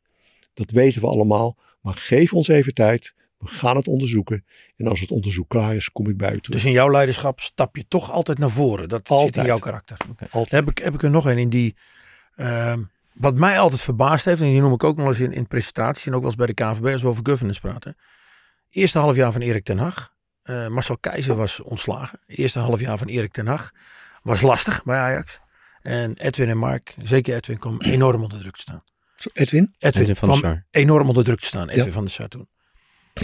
En dan wil ik eigenlijk de RVC achteraf een enorm compliment voor geven Ajax. Ik weet niet hoe het gelopen is, maar die hebben Edwin echt gesteund toen. Dat moet ook. Wat er toen gebeurde, en ik wil graag weten hoe jij daar naar keek. En of je daar bijvoorbeeld met Adi van Osterman, waar ik naartoe wil. Adi heeft toen twee pagina's uitgepakt als oud-bestuurder met heel veel kwaliteit. Hè? Want denk erom, in jullie periode, club enorm groot gemaakt. Maar die zei eigenlijk bijna letterlijk in de krant als oud-bestuurder die weg was. Edwin moet nu opstappen. Dat Ja. deed echt pijn als dat Ja. zo gebeurt. Ja. En, en Ja. dat lijkt me niks voor jou. Nee, dat had ik ook nooit gedaan. En sterker nog, ik heb Arie erop aangesproken. Want dat hoor je niet te doen. Maar het mooie Je was, kan wat het wel ik, vinden, Ja. maar dat doe je toch gewoon niet. daar Nou spreek je ja, hem wel op en ik- aan. Ja, Als natuurlijk. Ja, want eh, vlak daarna was er een thuiswedstrijd. En eh, ja, toen heb ik hem daarop aangesproken. En anderen trouwens ook. Het mooie vond ik wel dat als je in, in, de, in de governance en stakeholder management kijkt, dat de RVC van Ajax toen echt achter Edwin is blijven staan. Ja. En, en een jaar later was Edwin de allerbeste directeur van Nederland. Daar Ja. zit heel veel tussen. En nu ook, hè, want nu, eh, nu eh, eh, met al die transfers die er geweest Ja. zijn bij Ajax, staat hij ook weer enorm onder druk. Hè? En nu heet het weer van, eh, de, in één krant overigens maar hoor, een Amsterdamse ochtendkrant, laat ik het zo zeggen. Het nu Parool? het, nu, nu, hè? Het parool? Dat is, een, ja, het is tegenwoordig ook een ochtendkrant. Hè? Zeker. Maar ik bedoel de Telegraaf. Ja, dat Hè, dan heet het weer van, eh, ja, de, hij is door de Raad van Commissarissen in zijn hemd gezet. En hij moet nu maar zijn consequenties nemen en zo. Ja jongens, ik vind het allemaal zo, zo subversief onder de gordel. Een Raad van Commissarissen heeft nou eenmaal de verantwoordelijkheid. De financiële verantwoordelijkheid voor de gang van zaken. Mhm. En eh, het is in mijn tijd, toen ik bij Ajax in de Raad van Commissarissen zat, ook vaak genoeg gebeurd. Dat wij zeiden van, sorry eh, trainer, sorry eh, technisch directeur, maar dit vinden wij een onverantwoorde investering. Dat kunnen we niet betalen om die en die Mhm. redenen. Dus eh, we doen het niet. Hoe belangrijk is zo'n raad van commissarissen in de voetballerij? Je ziet veel mensen die daar komen, ook bij de, de wat meer regionale club, ah, ik zeg een topclub, AMEC, eh, die het leuk vinden. Eh, die het in het eerste half jaar leuk vinden en dan erg leuk gaan vinden. En ook dat iedereen hun weer leuk vindt. Ja. Eh, Is dit iets uit jou persoonlijks, Wilco? hoe, belangrijk, hoe belangrijk is die, ja, die toezichthoudende rol voor de rust in het voetbal? We zien dat de, eh, de doorlooptijd van een algemeen directeur niet langer dan twee jaar is, Ja. eh, gemiddeld. Eh, dat komt dat bovenin natuurlijk onrust is. Ja. Hoe belangrijk is dat orgaan voor het leiderschap van een algemeen directeur en ook de houdbaarheid? Nou, eh, het is een heel erg belangrijk orgaan. Want de, de directeur die doet de, de alledaagse eh, zaak, heeft daar de verantwoordelijkheid voor. En het is nou eenmaal eh, in, in een bestuurlijke governance zo dat boven een directeur van een BV, daar heb je een raad van, van commissarissen. Dat is heel erg goed. Alleen heel veel mensen, dat vind ik echt, die in raden van commissarissen, niet allemaal hè, maar heel veel mensen die in een raad van commissarissen van clubs zitten, zijn daar helemaal niet geschikt voor. En waarom niet? Nou, omdat ze, omdat ze de directeur voor de voeten gaan lopen. Of omdat ze, ja jongens, niet vertellen hoor, maar ik vind toch eigenlijk wel dat die directeur dit of dat. Weet je, er wordt gelekt en eh, dat is sowieso al fout. Maar eh, je, hoort, je hoort boven de partij te staan en altijd je directeur te steunen. Altijd. Is het geen ervaringsvak? Ook net zoals de is- directeur ja, vind ik ook is- een ervaringsvak. Moeten wij commissarissen ook niet de kans geven om erin te groeien? Of moeten we ze beter begeleiden om ook wat schade in het voetbal te voorkomen? Dat emotie de overhand neemt. Ja, ik vind zelfs dat je. Kijk, ehm, er zijn opleidingen voor commissaris. In het zakenleven is het heel gebruikelijk dat de meeste commissarissen hebben wel een opleiding gehad. Mhm. Alleen wat is het verschil tussen een commissaris in een bedrijf en een commissaris in een voetbalclub? Het gebrek aan emotie in een bedrijf. Ja. In een voetbalclub, en dat vind ik ook terecht, dat ligt allemaal onder het, eh, onder het eh, vergrootglas. Niet alleen de media, maar ook de supporters. Dat is normaal, andere clubs ook. Dus je, je, je, je zit erg in de kijker. En dat, dat, dat, dat, dat vraagt een extra capaciteit van, Ja. de, van de lid van de Raad van Commissarissen. Om te weten dat het zo is. En je niet door je ijdelheid te laten leiden om, om, om maar eens een flink groot jongetje te spelen. Zoals Uri Coronel dat altijd zegt. Maar je, je gedijst te houden, je directeur te steunen. En als je op een gegeven moment vindt dat die directeur eh, het niet goed doet. Ja. Nou, dan heb je gereedschap volgens de statuten om, om, om zo'n directeur te ontslaan of te vragen om weg te gaan. Maar je moet niet in het openbaar zo'n directeur afvallen. Dat is Nee. echt schande. Mag, mag ik hem afmaken door te zeggen dat de kwaliteiten van Edwin in combinatie met de rust die de Raad van Commissarissen op dat moment heeft betracht te behouden. Ja. Mede de oorzaak is geweest uiteindelijk van dat latere succes. Want anders had Ajax weer opnieuw moeten Ja, dat ben ik met je eens, Wilco. Zo is het. Ik wil het even hebben over een voorbeeldleider van jou. Voor mij heb je dat eh, aan ons doorgegeven. Pier Eringa, als ik het goed zeg. Ging niet gelijk een belletje bij mij rinkelen, bij jou wel? Ja, want eh, ik- wat, wat Michael Ja, hem. ik, kent hem, ik ken hem en ik heb hem ook wel gevolgd. En ik vind het een eh, Voor de mensen die hem niet kennen. ja, ProRail, amateur sectie betaald voer, of amateur sectie KNVB, Ja. ziekenhuizen, charismatig leider, ook die heel erg op de, op de werkvloer komt bij de mensen die het samen wil doen, maar die ook heel duidelijk weer Ja. zijn punt kan maken. Heeft hij Maar jou het meest beïnvloed? Ja, dus op latere leeftijd, hè? Want ik ken hem eigenlijk pas eh, de laatste zes, zeven jaar dat ik bij de KNVB zat. Want Ja. toen kwam hij in, eh, in beeld als voorzitter van de Raad van Toezicht van het amateurvoetbal. Maar ik wil wel even uitleggen waarom ik dat zo'n goede leider vind. En waarom dat ook zo past op wat ik net allemaal gezegd heb. Ja. Kijk, hij, was, eh, hij heeft vroeger bij de politie gewerkt. En hij heeft, voordat hij bij de KVB kwam, heeft hij, eh, is hij directeur geweest van twee, drie ziekenhuizen. Twee ziekenhuizen, geloof ik. Eén ziekenhuis, pardon, in Dordrecht. twee jaar. En dat was meteen het beste ziekenhuis van Nederland. Nou, toen kwam je bij ProRail. Je moet weten, ik heb eh, anderhalf jaar eh, heb ik mediatraining gegeven bij ProRail voor de projectleiders van ProRail. Eh, want ProRail stikt van de projectleiders. En dat is ook niet zo gek, want er wordt een station verbouwd, dan heb je een projectleider. En zo'n projectleider heeft het niet makkelijk, want die moet eh, in discussie met de gemeenteraad, die moet in discussie met boze eh, bewoners, want er komen opeens rails, worden verlengd, verlegd en die komen dicht bij jouw tuin. En dan hoor je het gepiep en gekras van de trein. Dus zo'n man die moet bepaalde eigenschappen hebben. Daar gaf ik mediatraining. Nou, maar het, elke, eh, en dat vond ik opvallend, elke projectleider had ook weer een woordvoerder. Daar stikte het van bij de ProRail. Nou, Die moest eruit. toen, dat vind ik wel. Maar ik denk dat Pi- Pier dat ook vindt, want wat is er gebeurd? Ja. Eh, bij ProRail er was heel veel klachten waren er over eh, de treinen rijden te laat. En de, de, als, er een, als er een blaadje op de rails ligt, dan rijden rijden de treinen niet meer. Nee. et cetera, et cetera. Wij riepen allemaal, ja dat ligt aan de NS. Maar dat blijkt niet zo te zijn, hè, want de NS zorgt voor de wagons. Mhm. Maar ProRail zorgt voor de rails en de stations een heleboel. Nou, wie zag je bij ProRail altijd? Een woordvoerder. Totdat Pier kwam. Pier ging zelf voor de camera staan. De directeur nam zelf de blame op zich. De directeur zei zelf, ik heb het gezien, u heeft gelijk. Dit en dit gaan we eraan doen. Als er een, eh, een, eh, een, een, eh, een tragisch ongeval was gebeurd bij een, een, een overweg, overgang in Limburg. Wie zag ik s'avonds op het journaal in zijn gele NS-vestje Pier ingaan. Maar wat deed dat dan met zijn leiderschap? En wat deed dat naar zijn mensen of de uitstraling van het bedrijf? Wat, wat heeft dit te maken met zijn leiderschap? Wat jij zo bewondert aan hem? En, en, en voor je medewerkers gaan staan. En wat je- deed dat met het bedrijf? wat dat met het bedrijf deed. A, dat het veel punctueler eh, ging werken. Daar zorgde hij er met zijn maatregelen natuurlijk ook voor. Maar men werd trots. Hmm, de baas- dat wordt. Ja. De baas stond zelf op de televisie. Ja. En toen hij ruzie had met de overheid over een onbewaakte overweg in Groningen. Die, die, die, die, die, die, ze eigenlijk wilden verplaatsen naar een plek waar ze een bewaakte overweg konden maken. Maar dat wilde de geme- de gemeente en de overheid niet. Stond hij zelf mee te helpen om die onbewaakte overweg te blokkeren met betonblokken. Dat was Pier Inga. En wat is het gevolg? ProRail heeft een gezicht gekregen. Ze namen, de mensen kregen respect voor het bedrijf. Er werd veel minder geklaagd. En de mensen vonden het veel prettiger om voor ProRail te werken. Hij, hij zei ook wel eens, ik, ik voel me een hoeder. Is dat ook een beetje wat Ja. jij altijd in die bedrijven hebt Ja. gevoeld? Ja, Ja, voor mensen. Om, omschrijf dat eens, wa- wat je in je leiderschap bent Ja. geweest dan als hoeder. Ja, goed, laat ik nou even dan, dan niet alleen het voetbal nemen. Maar laat ik ook mijn eigen bedrijf eens nemen. Ik had Trex Shops op Schiphol. En ehm, ehm, eh, daar kwamen van, van Schiphol. Nou, daar waren mensen met problemen. Hè? We hebben op een gegeven moment hadden wij, een voorbeeld te nemen, een transgender hadden wij in het bedrijf. En die had besloten om, eh, om vrouw te worden. Ja. Nou, met alle dingen die erbij kwamen. Nou, dan, dan, dan, dan ehm, werp ik me op als hoeder voor die jongen. Maar ook als hoeder voor, die, voor het personeel, voor mijn medewerkers. Want hoe moet hij die daar nou mee omgaan? Hoe moet hij die dat doen? Hoe moet hij die dat doen als, Indi, als iemand uit India voor de balie staat en opeens een, tra- een transgender? Want je ziet het. Hè? Door zo iemand geholpen wordt terwijl het in dat land verboden is of die mensen worden verbannen. Nou, wat doe je dan?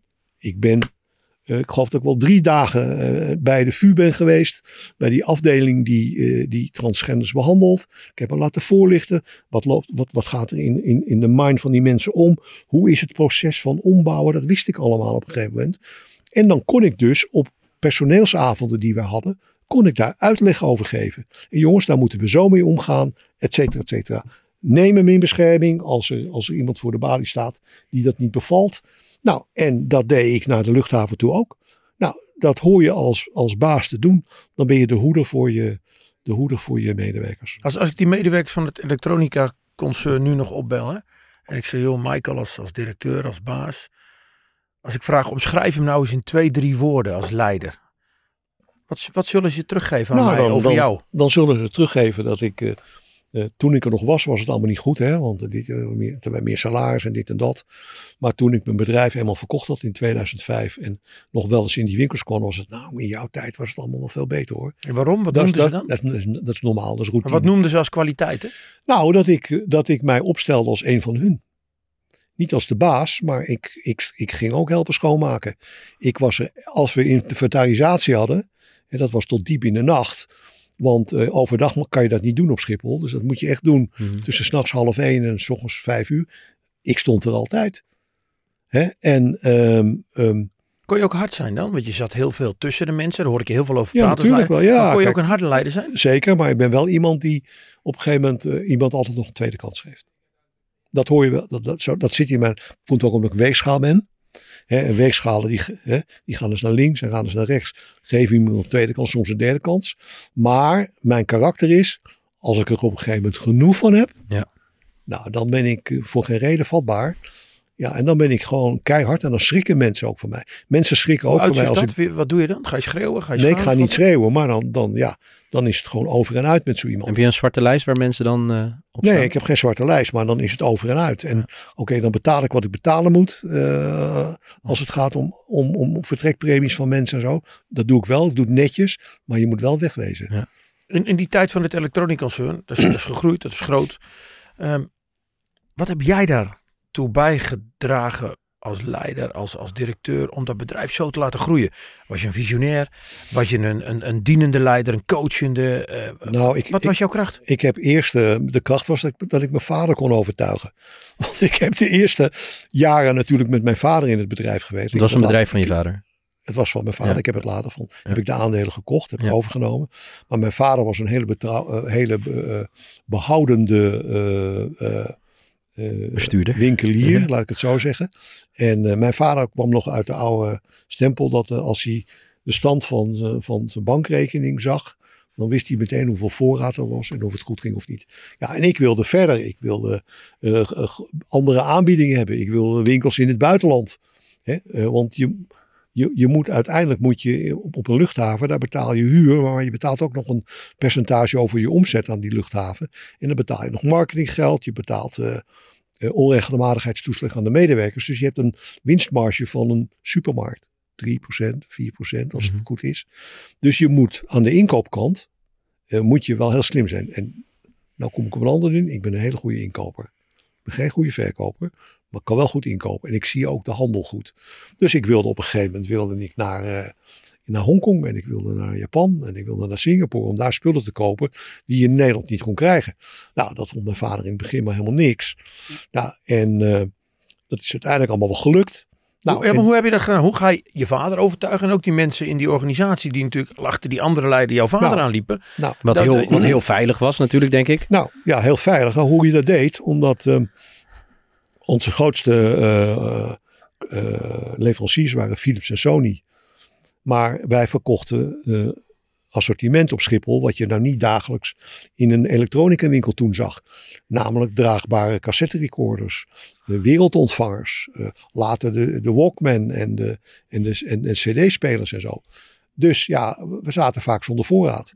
En het geheim op Schiphol is niet zozeer dat je, de, de prijs is nog niet eens zo belangrijk, maar je moet wel altijd het nieuwste hebben. Mm -hmm. Dus op een gegeven moment zeg ik, ja pap, we kunnen meer verkopen als je mij mijn gang laat gaan, dat ik dingen ook uit het buitenland haal. Nou ja, in het begin was dat lastig. Uiteindelijk zei hij, nou, ga het dan maar eens proberen. Weet je zo. Nou, en uh, na twee jaar bleek wel gewoon dat dat werkte.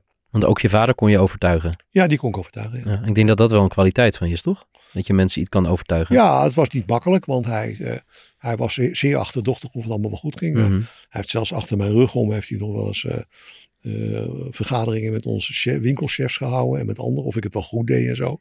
Ja, dat is niet leuk. Als nee, een, dat kan me voorstellen. Als een zoon zo neer wordt gezet. Maar goed, ik heb dat geaccepteerd en ja. uiteindelijk uh, zag je wel in. Wat hè, doet dat met ook jou? Een eigen, ook een eigen merkenstart, MyTone. Ja, uiteindelijk zag je wel in dat het goed was voor de zaak. Maar wat doet het met jou als je denkt, ik uh, met je vader een relatie hebt en dat die achter je rug om zoiets doet? Vreselijk. Ja? Heb je het hem vergeven?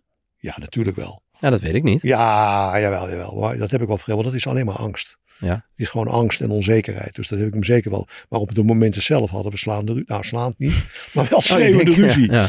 Maar ja, weet je, het is je vader. En, en, en, en, en hij heeft ook de oorlog meegemaakt en zo. Mhm. En angsten gehad. En dus ik begreep dat uiteindelijk ook allemaal wel. Dus eh, het, er waren no hard feelings of zo. Maar er waren best moeilijke momenten. Ja. Het bedrijf is wel gegroeid. Zeker, want we hadden op een gegeven moment hadden we eh, op, op, eh, alle Duitse luchthavens winkels, op Gatwick, op Manchester, op Manchester United, moet je mij horen. Op Manchester. Het is je vergeten. En eh, bij, de, bij de kanaaltunnel en in Singapore. En Dus zo. het groeide en het groeide. Maar waar ik naartoe wil eigenlijk is dat het levert dus resultaat op. Ja. Wat, wat, wat levert het op voor een bedrijf als jij binnenkomt? Wat breng je als leider mee? En, en eh, nu ben je op een gerespecteerde leeftijd. Stel dat je nog op die leeftijd was. Hè? 40, 50, dynamiek van het Ja. leven. Wat haalden ze binnen als ze jou binnenhaalden met je leiderschap? dat, ik, Wa- welke garantie gaf je af? dat ik andere mensen beter maak. En hoe doe je dat? Door ze een verantwoordelijkheid te geven. Door de dingen waar ze verantwoordelijkheid voor zijn ook van A tot Z te doen. Je moet wel controleren.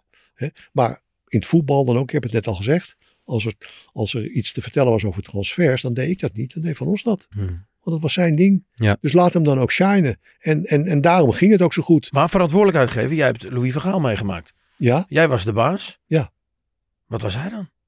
nou, de Want dat baas. is ook een baasje. De baas Ja, hij het was zeker een baan. Maar goed, daar heb je Hoe het kon alweer. jij hem sturen? Hoe kon Nee, je met ja, hem... maar nou, dat is helemaal, helemaal niet zo moeilijk. Want ik heb totaal geen verstand van voetbal.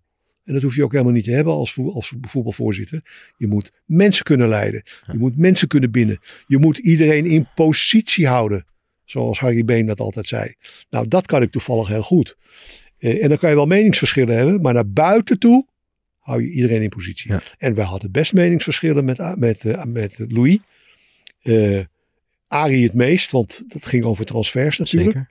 Maar die heb ik ook wel gehad. En dan hadden we bestuursvergadering. Hij kwam één keer in de maand. En dan kwam hij met zijn bloknootje. En dan zei hij, nou voorzitter, dat zijn weer twee minnetjes hoor. En wat, zei- wat dacht je toen? Nou dan had ik in de krant twee keer iets gezegd waar hij het niet Oh, mee eens was. ja, ja. Hè, En je kreeg af en toe ook wel eens een plusje. Maar goed, Louis is nog steeds mijn allerbeste vriend. Dus je kan, je kan het met elkaar oneens zijn. Maar aan de andere kant, jongens, we hebben zoveel van die man geleerd. Maar, Dus eh, Maar in hoeverre verschil jij van hem? Ja. Of, of hebben jullie overeenkomst? Zijn jullie hetzelfde? Nou, In hij- leiderschap. Hij, eh, wat we hetzelfde hebben, is dat je anderen beter wil maken. En dat je, an, dat je moet proberen het beste uit iemand te halen. Door zo iemand op de beste plek te zetten. Dat heeft hij gedaan. Hij heeft van Michael Reiziger een rechtsback gemaakt. Een van de beste rechtsbacks ter wereld. Hè? Ja. Een van de beste rechtsbacks ter beste van de wereld. Hij zag dat. Ja. Hè? En dat gaf bij Michael zelf ook in het begin, met die Michael, Ja, heel veel gedoe. Ja. En van ja, maar hij werd wel de beste rechtsback. Nou, die dingen zag hij, daar gingen wij niet voor lichten. Want, liggen, want eh, ik zie dat helemaal niet, man. Nog niet. Hangende spits en zo, ik weet niet eens wat het is. Een hangende tien hebben we bij Ajax tegenwoordig al. Maar als je naar hem kijkt, hè, als leider, Louis van Gaal hè, in 95 en als je nu naar hem kijkt. Wat zijn er dingen waarvan je denkt, ja, jaloers is een groot woord, maar dat je denkt, ja, ik vind dat wel heel knap hoe hij dat doet als leider. Een teambeelder. Van, van, van, van, Was jij dat minder dan hem? Of- Nee, ik was het ook wel, maar hij veel meer. Ja. En en eh, ik zal ook nooit vergeten dat wij de Europa Cup wonnen. En dat eh, ik dacht, nou dan kan ik daar lekker mee met de supporters. Kan ik daar lekker mee naartoe, want het is hun club. Ik had mijn agenda al vrij om al die eh, regio's van onze supportersvereniging af te Ja. gaan. Maar de eerste week gebeurde dat helemaal niet. Want hij kwam met die cup binnen in de meer. En hij liep linea recta liep hij naar het washok, waar de wasmachines stonden. En hij zei tegen die mensen daar, deze cup blijft een week lang op de droger staan. Want het is ook jullie cup. Want jullie doen de was. Jullie zorgen dat het verstreken is. Jullie zorgen dat het precies goed ligt in de, in de, in de kleedkamer. Jullie zijn onderdeel van het succes. Ja. Nou, en dat heb ik van hem geleerd. Mooi. En dat heb ik later in de, in, de, in, de, in de dingen die ik daarna nog heb gedaan. Bij de KVB en ook bij de UEFA. Daar heb ik daar wel veel eh, profijt van gehad. Ik, ja. ik vind wel iets heel bijzonders. Ik kwam dat tegen. Ik weet niet uit welk interview het was. Ze zei, eh, een voetbalbestuurder moet je vergelijken met een omgekeerde autowasstraat. Dat heb ik gezegd. Ja, dat zeg ik. Ja. Zeker. Ja, je gaat er schoon in en je komt er fel uit. Ja, nou zo is maar wat het. bedoel je hier precies mee? Nou, kijk maar naar de meeste voetbalbestuurders. Geldt dit ook voor jezelf? Nee. Maar wel voor de meesten, maar niet voor jou. Nou ja, mij is het niet overkomen, maar- maar, maar de meeste voetbalbestuurders gaan met pek en veren weg. Ja. Maar moet je eigenlijk vieze handen maken om succesvol te zijn? Nou ja, je moet, je moet het, je, vieze handen maken is iets anders dan eh de vuil uitgaan.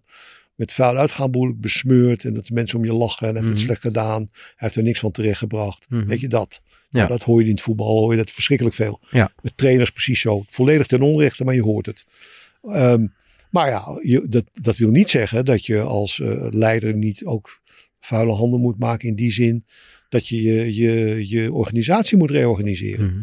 Ja, dat moet je doen. Mhm. Maar dat doe, deed ik nooit in mijn eentje.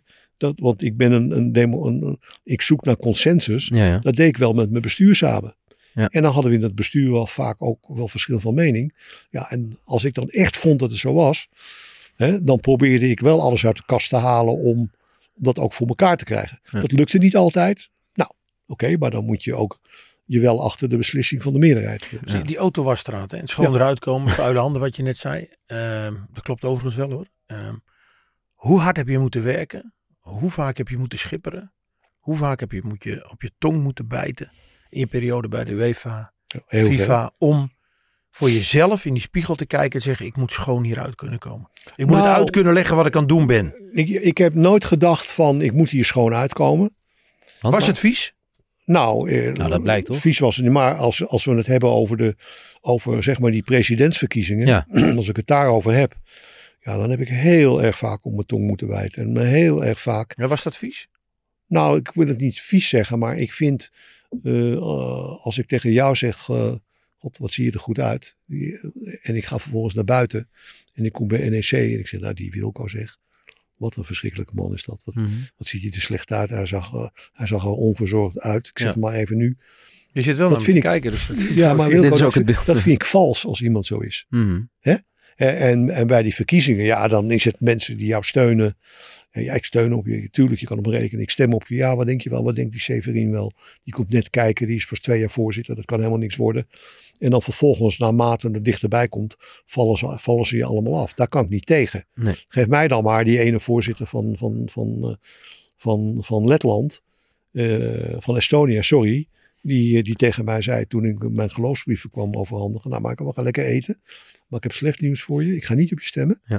Maar gaan wel lekker eten. Maar we gaan wel eten. En Maar is het... daar heb ik dan veel meer respect voor. Kijk, weet je. ik, ik, ik en dat is ver te zoeken. Eerlijkheid. Nee, maar dat bedoel ik. Je, je, je, je presenteert je vandaag ook, en alles wat ik van je heb gelezen en dat soort dingen, als een persoon die het op een eerlijke manier wil doen. Ja. Maar was dat niet super naïef als je op weg gaat, zeker met de wetenschap die we nu hebben, wat er, hè, wat er de afgelopen jaren allemaal is gebeurd op dat niveau, dat je zo'n strijd aangaat en je wilt niet je handen vies maken, je wilt op een eerlijke manier Ja. Dat ambt bereiken. Maar dat is niet naïef. Dat is precies de manier waarop wij dat in Nederland willen doen.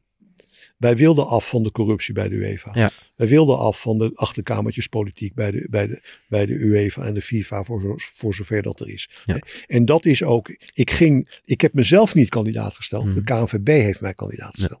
En de KNVB st- st- staat voor openheid, transparantie en op een nette manier doen. Toen wij probeerden met de Belgen de, de, de Holland-Belgium bid eh, eh, binnen te halen, hebben wij ons gehouden aan de voorschriften van de, eh, van de eh, FIFA, dat een cadeautje niet meer dan 100 euro mocht zijn. Nee. Dus wat deden wij? Wij dachten, en we dachten het daarmee te winnen, wij gingen op pad met een oranje shirt en een doosje Godiva chocolade. Ja. Weet je? Nou, dat kan je naïef noemen, maar wij hielden ons aan de regels. Nou, Ja. en dat heb ik ook, zo heb ik het ook willen doen bij die presidentsverkiezingen. Ook al omdat de mensen met wie ik sprak, Mhm. En dan heb ik het over de FIFA, want Ja, ja. de UEFA is niet corrupt. eh, over de FIFA, die zeiden allemaal: nee, wij willen daar juist van af. Wij willen dat het eerlijk gaat. En wij willen af van eh, cadeautjes onder de tafel. Wij willen af, wij willen weten wat er met de geldstromen gebeurt. Fijn dat u er bent, meneer Van Praag. Ja, prima. Nou, eh, de meeste van die mensen, die althans uit Zuid-Amerika, die dat ook allemaal tegen me zeiden, die zitten nu in Amerika in de bak. Weet je? Eh, dus ik, wij hebben dat willens en wetens zo gedaan. Hoe erg heb je dat ooit gevonden dat het niet doorgegaan is? Dat je het niet geworden bent? Nou, dat, De nou, mens nu- van Praag, krijgt hij daar een tik van of niet? Wat zeg je? De mens van Praag, heb je daar toch een tik Nou, van bij de niet? FIFA niet, bij de UEFA wel. Waarom? En wat doet het dan met je? Waarom? Nou, omdat, eh, kijk, laat ik dan de UEFA maar even nemen, want Ja. de FIFA is een heel ander verhaal.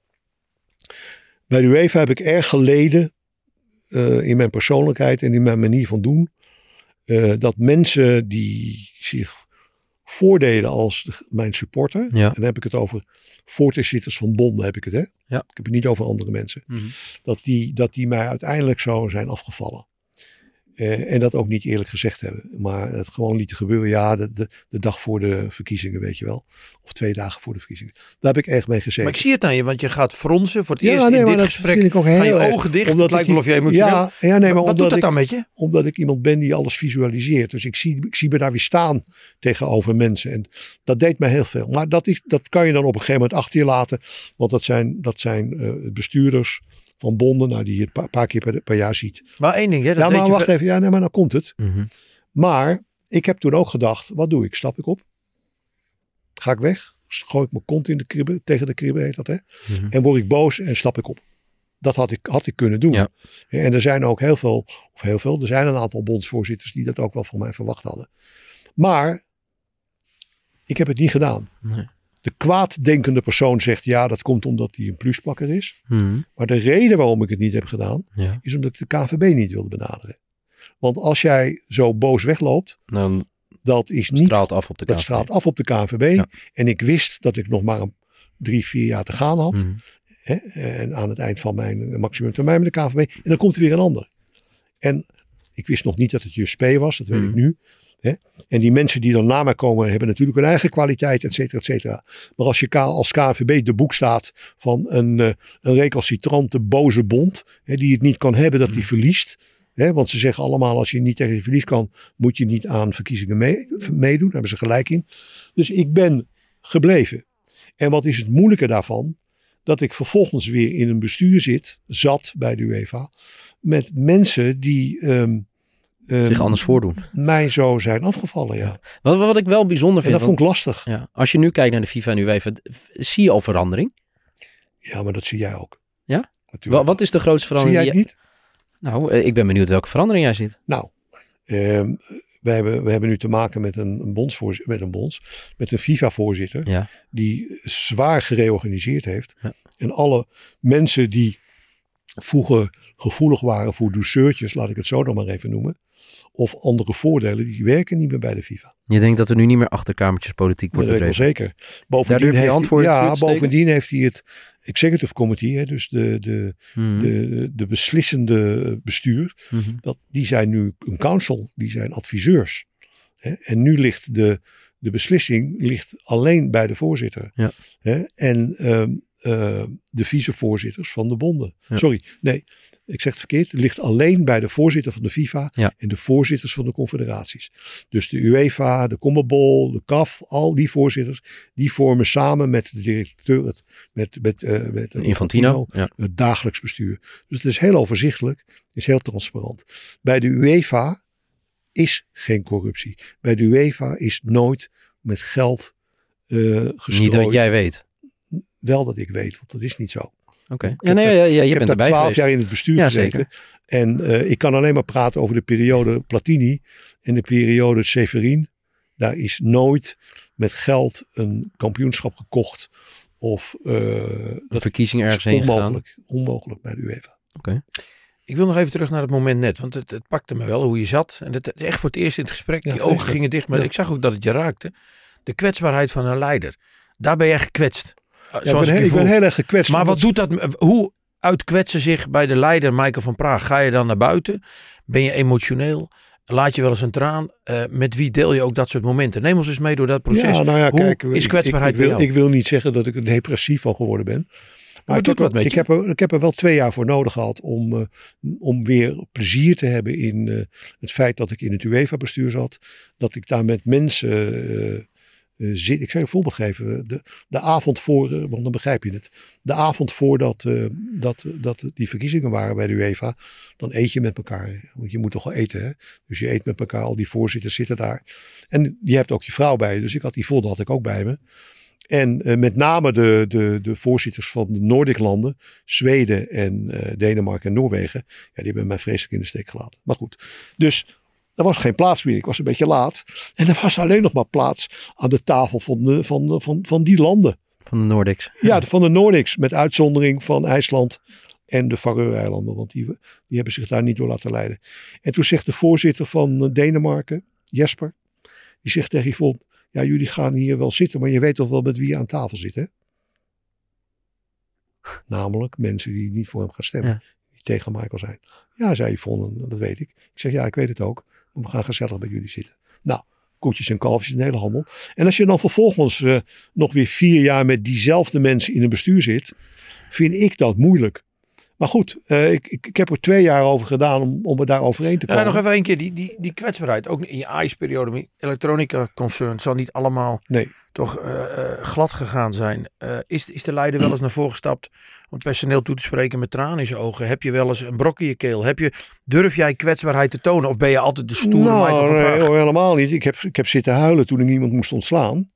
En dat kwam in de periode, dat was vlak na SARS we hebben ook nog eens een andere pandemie gehad. Zeker. De SARS. En toen gebeurde er op Schiphol, zakte de omzet met 70% Er werd namelijk niet meer vanuit het Verre Oosten gevlogen. En dat waren hele belangrijke hubs. Schiphol is een hele belangrijke Verre Oosten. En toen moest ik opeens, uh, moest ik, um, uh, ging het zo verschrikkelijk slecht bij het bedrijf. Dat ik kwam bij speciale kredieten terecht, bij de, bij de bank, bij de ABN AMRO.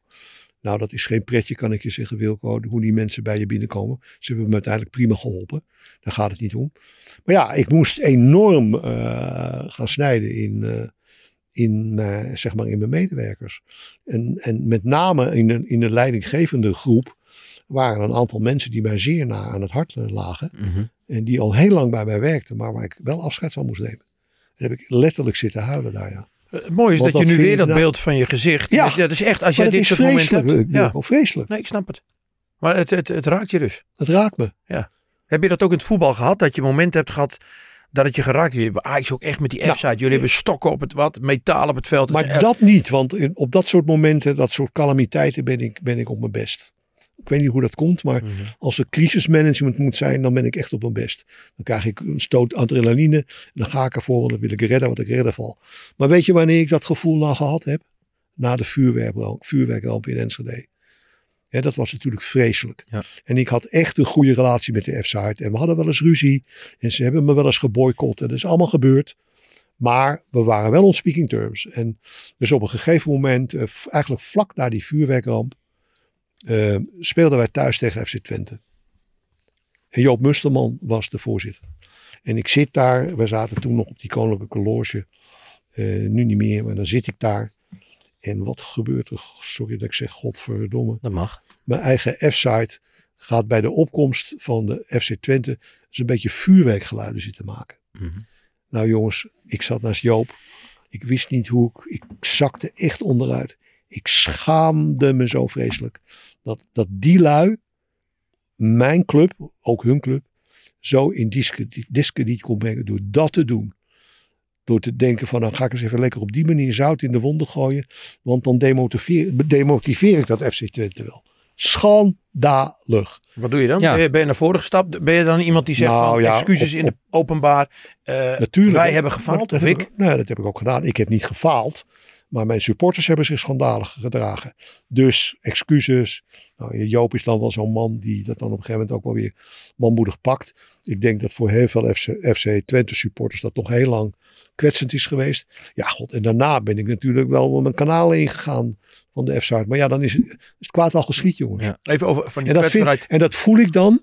Dat voel ik, en dat misschien overdreven, dat voel ik als een mes in mijn rug. Dan ga je even die afmaken, dan ga je naar huis avonds.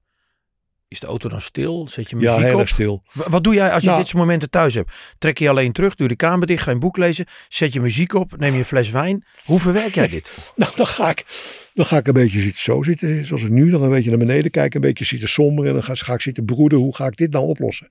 Hoe doe ik dit nou? Wat moet ik hier nou mee Hmm. doen? Weet je, dat, dat is dan mijn reactie. Maar nee, ik ga niet eh, achter de piano zitten en iets spelen. Nee, dat doe ik niet. Kwetsbaarheid en even de, de lijn, we het net over falen. Volgens mij zei je in het begin, je hebt ook wel eens gefaald. Ehm, kun je daar voorbeelden van noemen? Een leider die faalt, maar zeker naar jezelf toe. Wat met de wetenschap van nu had je anders moeten doen? Waar heb je misschien als leider gezegd, daar heb ik gefaald? Ik heb gefaald als bondsvoorzitter van de KVB bij een van de vergaderingen eh, betaald voetbal. En toen ging het over de nieuwe structuur van de KVB. Wat wilden we met die KVB?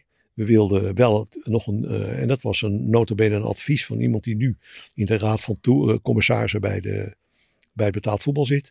We hadden een rapport laten maken en het eh, zou voor de eh, voor de beslissingsbevoegdheid, voor de beslissingsstroom, et cetera, zou het het beste zijn als we nog maar één raad van commissarissen hadden, Ja. namelijk boven het bondsbestuur. En verder gewoon een directeur betaald voetbal, directeur amateurvoetbal. Maar dan, die zouden dan geen raden van toezicht en raad van commissarissen meer moeten hebben. Dat was de beste structuur. En daarmee wordt de KNVB ook een stuk slagvaardiger dan nu. En die directeuren hebben meer, eh, meer slagkracht en die hoeven zich alleen nog maar bij het bondsbestuur te verantwoorden. En het bondsbestuur ver- ver- verantwoordt zich dan bij de raad van commissarissen. Zoals het in elk bedrijf is. Mhm. Dat is lastig. En ehm, wij hadden op een gegeven moment hadden wij het amateurvoetbal mee. Die waren daar wel voor. Bij betaald voetbal eh, lag dat nog wat anders. Die vonden dat op dat moment nog niet, niet nodig. En dat mogen ze vinden, hè? dat is prima. Alleen ik heb toen zitten slapen. Want dat was het geval. Eh, toen nam een woordvoerder van de ECV, namelijk Jacco, eh, die nam het woord. Jacco Zwart, Jacco Zwart. ook van NEC Ja. De Graafschap, toen directeur van de SV. Ja, en die nam op een keurige manier het woord en die zei: Ja, eh, sorry, maar eh, wij van betaald voetbal zijn daar nog niet voor. Wij willen dat nog eventjes laten rusten en we willen daar misschien over een aantal jaar nog eens op terugkomen. Waarin heb ik nou gefaald dat ik dat heb toegestaan? Want Jacco heeft, is, mag, de voorzitter van de ECV, mag, is officieel geen woordvoerder in de vergadering betaald voetbal. Mhm. Alleen de clubs zijn dat. Ja. Dus wat ik had moeten doen, ik had de clubs moeten laten stemmen. En niet, ik had gewoon moeten zeggen, prima, ik heb het gehoord, maar we gaan wel stemmen. En dat had ik moeten doen, want dan was het er doorgekomen. Want er waren ook heel veel clubs in de eerste divisie die dat wel zagen zitten. Het hele amateurvoetbal had ik al mee. Dit was iets wat met gewone meerderheid kon. Dus ik heb daar, daar heb ik echt gefaald. Ja. Want als ik, dat, als, ik, als ik alerter was geweest, dan had de KNVB nu met die structuur gezeten. En nu zijn ze weer bezig over een andere structuur. Ja. Dus dat is echt een groot faalmoment van mij geweest. Dat ik niet alert genoeg was. Was dat Twee- het ja. tweede faalmoment eh, eh, is dat ik mij door mijn emoties heb laten leiden. Toen ik met hakken over de, nou niet hakken over de sloot, ja toch wel. Toen ik eh, in de algemene vergadering betaald voetbal, dat is mijn laatste herverkiezing. Toen kreeg ik eh, 21 onthoudingen en één stem tegen. Nou, mijn fout was dat ik daar heel emotioneel over werd. Over die stem tegen. Nee, ja, maar Nee, ook over die proces, 21 denk ik. onthoudingen Ja. en het hele proces. Dus ik ging daar een beetje tekeer, emotioneel tekeer Ja. in die algemene vergadering vertaald voetbal. Fout, fout, fout, fout, fout. Nooit moeten doen. Ik vond dat wel een ontmaskering van mezelf. Ja. En daar heb ik heel veel spijt van gehad. Ja. Maar het was gebeurd. Maar jullie vragen er nu om. Ja, ik, Maar dat zijn echt de twee momenten dat ik denk wat ik mooi vind, door gedurende het gesprek zijn er best wel vaak dingen die, die je gedaan hebt. Al is het een tweet. Ik herinner me ook nog ooit een uitspraak over Fortuna Sittard. Dat je... Ja, maar ja, wacht. Nee, nee, nee, ja, maar, nee, ja, maar het is meer qua emotie. Nee, nee, maar dat je in momenten, in bepaalde momenten dingen kan zeggen, maar dat je nu reflecteert als leider. Ja, maar, maar voor, voor, FC voor Fortuna Sittard heb ik geloof ik al tien keer excuses aangeboden. Oh nee, nee, maar je hoeft van Maar mij geen blijft- excuses nee, aan nee, te niet aan jou. Maar het blijft me maar achtervolgen ook op Twitter. Wat was het geval? Ik had, eh, we hadden toen een aantal clubs die gingen failliet. Ja, en, klopt. En een van die clubs was geloof ik in het noorden van het land. Veendam, Ja, Veendam was het. zeker. En Veendam had, had drie begrotingen. Mhm. Eentje voor de accountant, eentje Ja. voor zichzelf en eentje voor de KVB. Kwamen we later pas achter. Ja. Maar goed, ik kom terug van een lange vlucht. En ik wilde het niet afzeggen. hadden Een praatje daarbij. eh, In Roermond was in het. Roermond of zo. Ja. Dus ik ben toch nog in de auto gestapt. Ben toch nog naartoe gegaan. En wat gebeurt mij? Ik verwar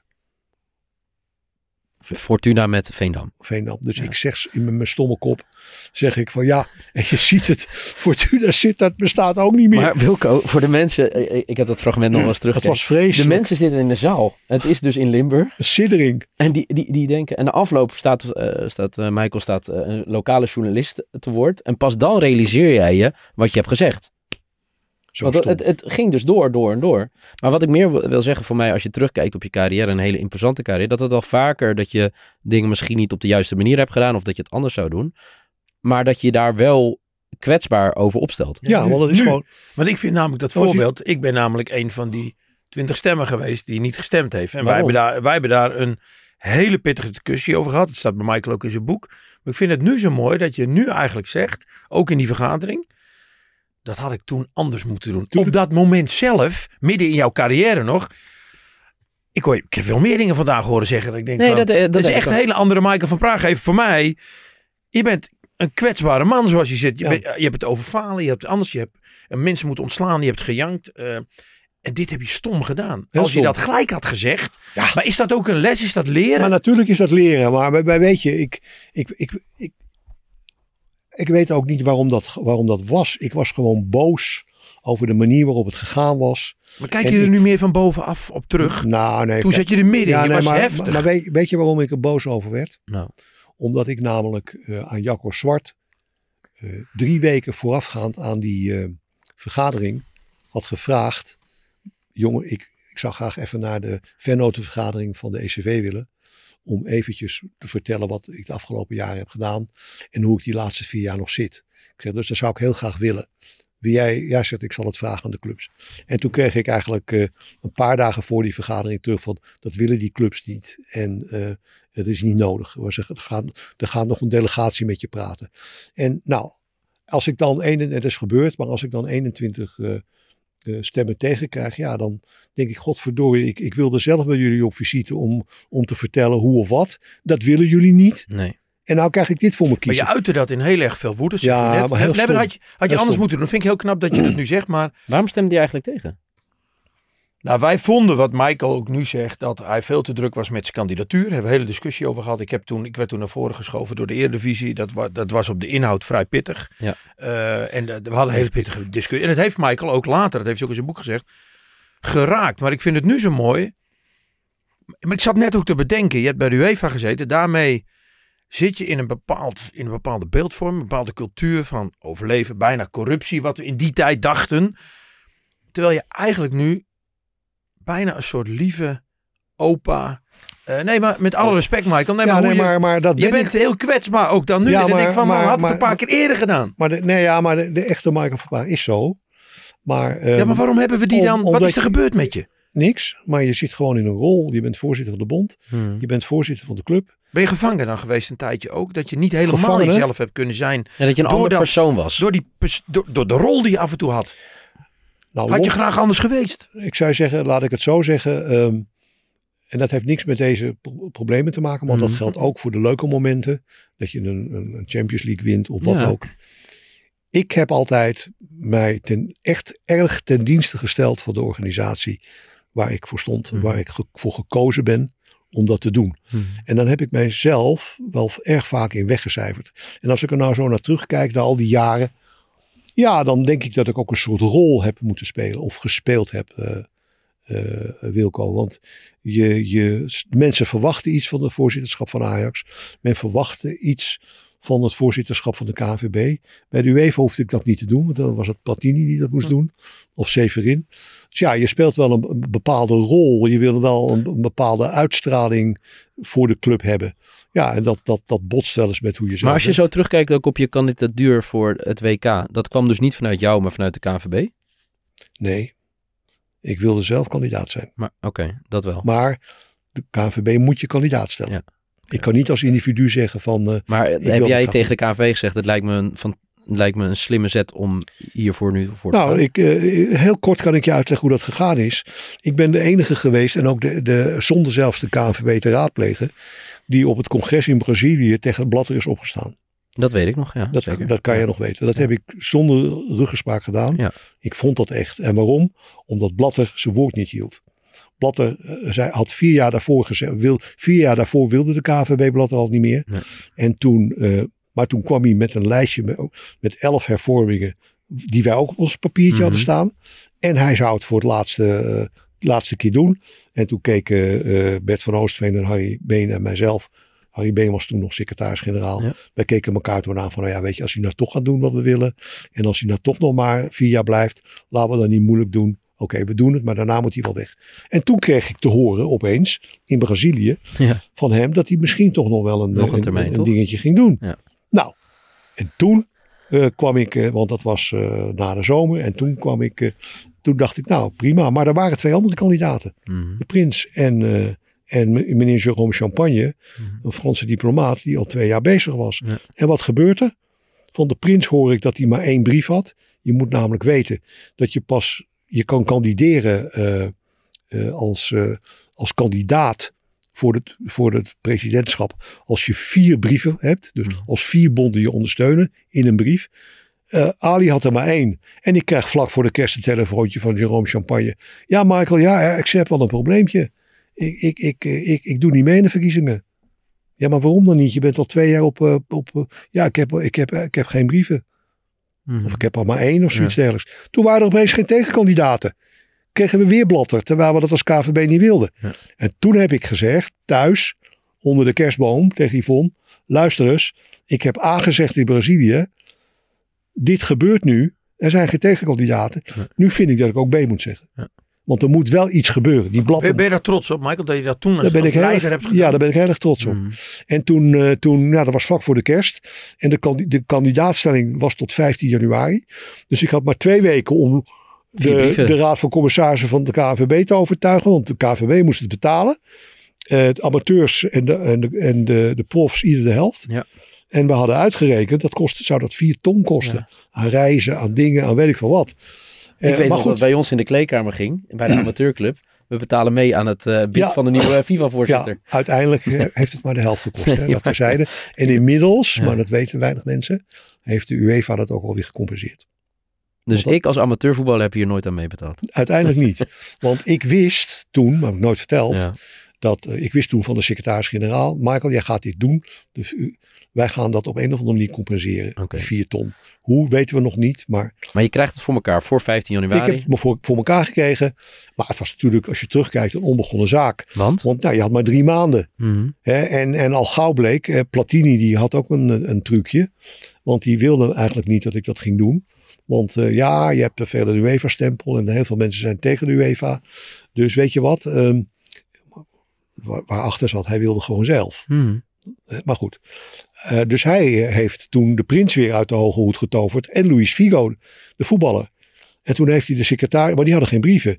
Dus toen heeft hij de secretaris-generaal nog eh, door Europa gestuurd van zorg voor brieven voor die spelers. Maar die voorzitters zeiden allemaal, ja maar we hebben Michael toch? Waarom moet ik die mensen? Mm. Ja, maar dat vindt Platini belangrijk, want er moet democratie moeten we laten zien. En dat er meerdere kandidaten zijn. Nou, goed. Dus wij gingen met z'n drieën gingen we op pad. En toen bleek opeens de, de invloed van Blatter. Want als wij op een congres kwamen van bijvoorbeeld de Zuid-Amerikanen. En wij wilden als kandidaat daar ook het woord voeren. Dat mocht niet. Mhm. De enige die het woord mocht voeren was Blatter zelf. Nou, dus dat was allemaal al in kannen en kruiken. Er was heel veel tegenwerking. En uiteindelijk, ja, daar denk ik nu anders over. Maar toen vond ik het een goede beslissing. uiteindelijk hadden we afgesproken van ja jongens, want dat hoorden we ook van voetbalvoorzitters die op ons moesten stemmen, al dan niet. Je moet niet met drie kandidaten proberen Blatter te, te, te verslaan. Dat lukt niet. Nee. Er moet één kandidaat zijn die door Europa gedragen wordt. Dus wij hadden afgesproken, ik kan de datum nog herinneren. Op 19 mei komen we bij elkaar als kandidaten. En dan gaan we kijken wat de strategie is. Nou, wat bleek? Ehm, de, de, de, de voorzitter van de Portugese bond zat er ook bij. Die zei, jongens, je moet je allemaal terugtrekken, want het heeft geen zin. Ja. Wij zeiden, dat gaan we eh, niet doen. Wij zeiden, we gaan nog even verder. En de prins, die was al twee jaar bezig. Die had een, eh, zo'n pak, zo dik, wel, wel vijf centimeter vol, met besprekingsverslagen. Ook met verklaringen dat bonden hem zouden steunen. Nou, uiteindelijk zijn we met z'n drieën in een kamertje gaan zitten. De prins wilde door, ik wilde door, Figo wilde door. En dan zit je in een padstelling. Mhm. Dus ik zei, luister prins, jij hebt 60 toezeggingen van landen die op jou stemmen. Hoeveel had jij er? Schriftelijk ook. Ja, ga ik vertellen. Als je daar Europa bij optelt, 60 plus 50, dat is meer dan 107. Ja. Dan winnen we. Ja. Ik heb alleen maar een gevoel dat veel mensen mij zullen steunen. En op dat moment had alleen de voorzitter van Suriname nog in het openbaar verklaard dat hij mij ging steunen. Dus ik heb toen op een gegeven moment gezegd, ja, gaat het nou om Michael van Praag of gaat het erom dat Blatter weggaat? Nou, om het laatste. Dus zei ik tegen eh, Louis, Louis, ik wil wel aan mijn achterban gaan vragen of ze het ermee eens zijn dat ik me dan terugtrek ten faveur van de prins. Die gaan we dan steunen. Dan moet hij wel eh, op schrift eh, verklaren dat hij minimaal vijf punten uit mijn verkiezingsprogramma doet. Ik wil zijn adviseur worden. Dan steunen we de prins. Dan hebben we, 105, dan hebben we 110 stemmen. Dat is de reden geweest waarom ik mij heb teruggetrokken. En dat heb ik dus aan mijn eh, bestuur verteld, aan mijn bondsbestuur. En aan de directeur betaald voetbal, amateurvoetbal. Nou, die begrepen dat. Die konden daarmee leven. Luis Figo heeft nog een, eh, nog een week moeten nadenken of hij het toch nog niet zou doen. Eh, al dan niet, nou, die heeft zich uiteindelijk ook teruggetrokken. Toen zijn we de prins gaan steunen. Mhm. Nou, en wat was nou de situatie? Dan hadden we de verkiezingen. en ehm, op een gegeven moment eh, is er dus pauze voordat de verkiezingen plaatsvinden. En toen komt de, de toenmalige voorzitter van de Amerikaanse Bond naar me toe. Die zei, Michael, je moet nog even met Suriname en Curaçao gaan praten. Want als die voor de prins gaan, dan hebben we 108 stemmen en dan hebben we gewonnen. Het was echt een close call. Hmm. Nou, en zo ging dat. En dat heb ik gedaan. En uiteindelijk ging hij, eh, ging hij op voor de verkiezingen. Had hij 78 stemmen. Tweede ronde dus. Mhm. Dat is genoeg. Maar wat is er toen gebeurd? Toen in de pauze zijn Platini, die hem notabene aan die brieven heeft geholpen in Europa. Hè, want hij moest zo nodig, moest er nog een extra kandidaat zijn dan ik. Platini, maar ook de voorzitter van de Amerikaanse bond. Die de enige was die hem toen die eerste brief had gegeven. Die zijn in de pauze naar de prins gegaan gezegd, je moet ermee stoppen. We steunen je niet meer. 78 stemmen, dat haal je niet. En eh, eh, wij doen het niet meer. Nou, daar zat de prins. Verraden. Ja. En die heeft toen... eh, Zoals jij bent verraden bij de UEFA. nou, dat, dat wil ik niet zeggen. Ik, eh, nee, dat, dat vind ik niet. Maar het is wel zo dat Platini niks heeft gedaan om mij te helpen. Maar nee. En is dat dan uiteindelijk hoe het wel gewoon gespeeld wordt dan op het hoogste Zo niveau? wordt het kennelijk gespeeld. Ja. Want wat weten we nu? Dat wist ik toen nog niet. Hè? Inmiddels is, die, is, is, is, is, is bekend geworden dat eh, Michel Platini een betaling heeft gehad van 1,8 miljoen euro. Of Zwitserse franken. Ja. Voor werk wat hij in 2010 heeft gedaan. En we, schrijven 2019 toen dat gebeurde. Dat werk heeft hij ook inderdaad gedaan. Maar als je nu kijkt, ook in mijn boek. Dan zie je Blatter vertellen dat hij een deal had met, eh, met, met Platini. Dat Blatter, eh, zolang Blatter zou, eh, zou, op zou gaan voor het presidentschap, dat Platini het dan niet zou doen. Mhm. En als Blatter zou stoppen, dat Platini dan de voorzitter van de FIFA. Dat was het plan. Mhm. En ik denk dat Blatter die 1,8 miljoen gewoon achter heeft gehouden. Om Platini nog wel even aan die afspraak te, te helpen herinneren. Maar dat weten we pas sinds 2019. Dat wist ik niet in. Nee, maar daarom vind ik het wel interessant dat je heel stellig bent dat er bij de UEFA geen corruptie is. En omdat dit soort dingen zijn ook allemaal later naar voren gekomen. Maar corruptie is als jij, een, eh, als jij geld eh, in ontvangst neemt om bepaalde dingen te doen. Nou, dit is zoals Platini. Nee, want hij heeft ervoor gewerkt. Ja, maar uiteindelijk is dit de afspraak waar we later zijn achtergekomen. Ja. Dat er een afspraak is Maar gemaakt. dat vind ik niet corrupt. Nee? Nee. Oké. Dus Dus je, kan, je kan zo'n afspraak maken Zo- aan de hand van zo'n betaling. Als, jij, als jij als blatter eh, niet, er, niet- er niet bij vertelt dat dat je doel is. Ja, dan, eh, dan kan Platini, dat, dan kan je die afspraak maken. Ik Betaal het je later wel, want we hebben nog niet zoveel geld bij de FIFA. Dat komt later wel. Hm. Nou, vervolgens werd Platini werd, eh, voorzitter van de UEFA tegen een heel groot salaris. Had dat geld ook nog niet zo nodig, dus die heeft er misschien ook niet aan gedacht. Dat kan allemaal zijn. Dat is als, als en horen zeggen.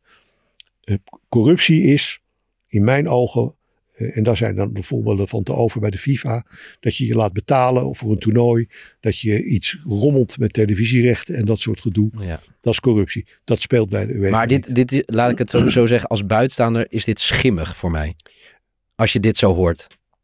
Dat is zo. Dat is zo. dus dat is Maar een- schimmig is nog iets Nee, anders dan prima. corrupt. Nee, dan noem ik het schimmig. Even, even een beetje naar de afronding toe, Michael. Ehm, ook een beetje naar je karakter. Eh, wat we net ook zeiden, dat, dat misschien een beetje troebelde beeld. Ben jij in de kern persoonlijk, maar ook als leider, gewoon eigenlijk een pleaser? Wil je het eigenlijk door iedereen wel prettig Nou, eh, worden? een, een- er wordt gezegd, maar dat geldt ook voor mijn nichtje Marga en Giel, eh, dat wij eh, erg graag van applaus, hel- van, van applaus houden. Nou, ehm, nee, dat niet. Ik, ik ben erg tevreden als iets goed gaat. maar dan vind je toch ook fijn dat iemand zegt, Michael, dat heb jij knap gedaan. Ja, maar daar heb ik daar heb ik nooit zoveel meegemaakt. Te weinig? Nee, maar kijk, ik ben Vind wel... je dat je waardering hebt gekregen voor het werk wat je voor het Nou ja, voetbal ik- hebt gedaan? Ik vind, eh, en dat is mijn, eh, dat pleest mij wel, dat je zowel bij Ajax als bij de KNVB als bij de UEFA tot erelid wordt benoemd. Dat zegt toch ook iets. Dat zegt iets. Ja. En, en, en dat is niet omdat ik mensen please. En dat is ook niet mij pleasen. Maar ik wil wel eens een keertje zeggen dat ik, bij al die organisaties keihard gewerkt heb. Hmm. Als je een pleaser bent, dat is niet negatief. Hè? Dat betekent ook dat je het mensen naar de zin wilt maken. Dat je Ik wil het zo- hè. Ja, dat zit ook goed. een beetje in je. Dat zit in me, want ik ben muzikant Ja. en ik treed nu op in verzorgingstehuizen. En ik geniet van het feit dat ik daar allerlei mensen een plezier doe met liedjes die ze herkennen uit de vijftiger jaren. En wat is dan je favoriete liedje? Wat speel je het liefst? Nou, eh, ik zing onder andere een liedje van mijn oom Max. Het leuke is, het zijn ook liedjes Welk van, liedje is dat? dat zijn liedjes van Max van Praag. En ik zing daar bijvoorbeeld eh, het liedje Als de deur zacht open gaat. Heel mooi nummer.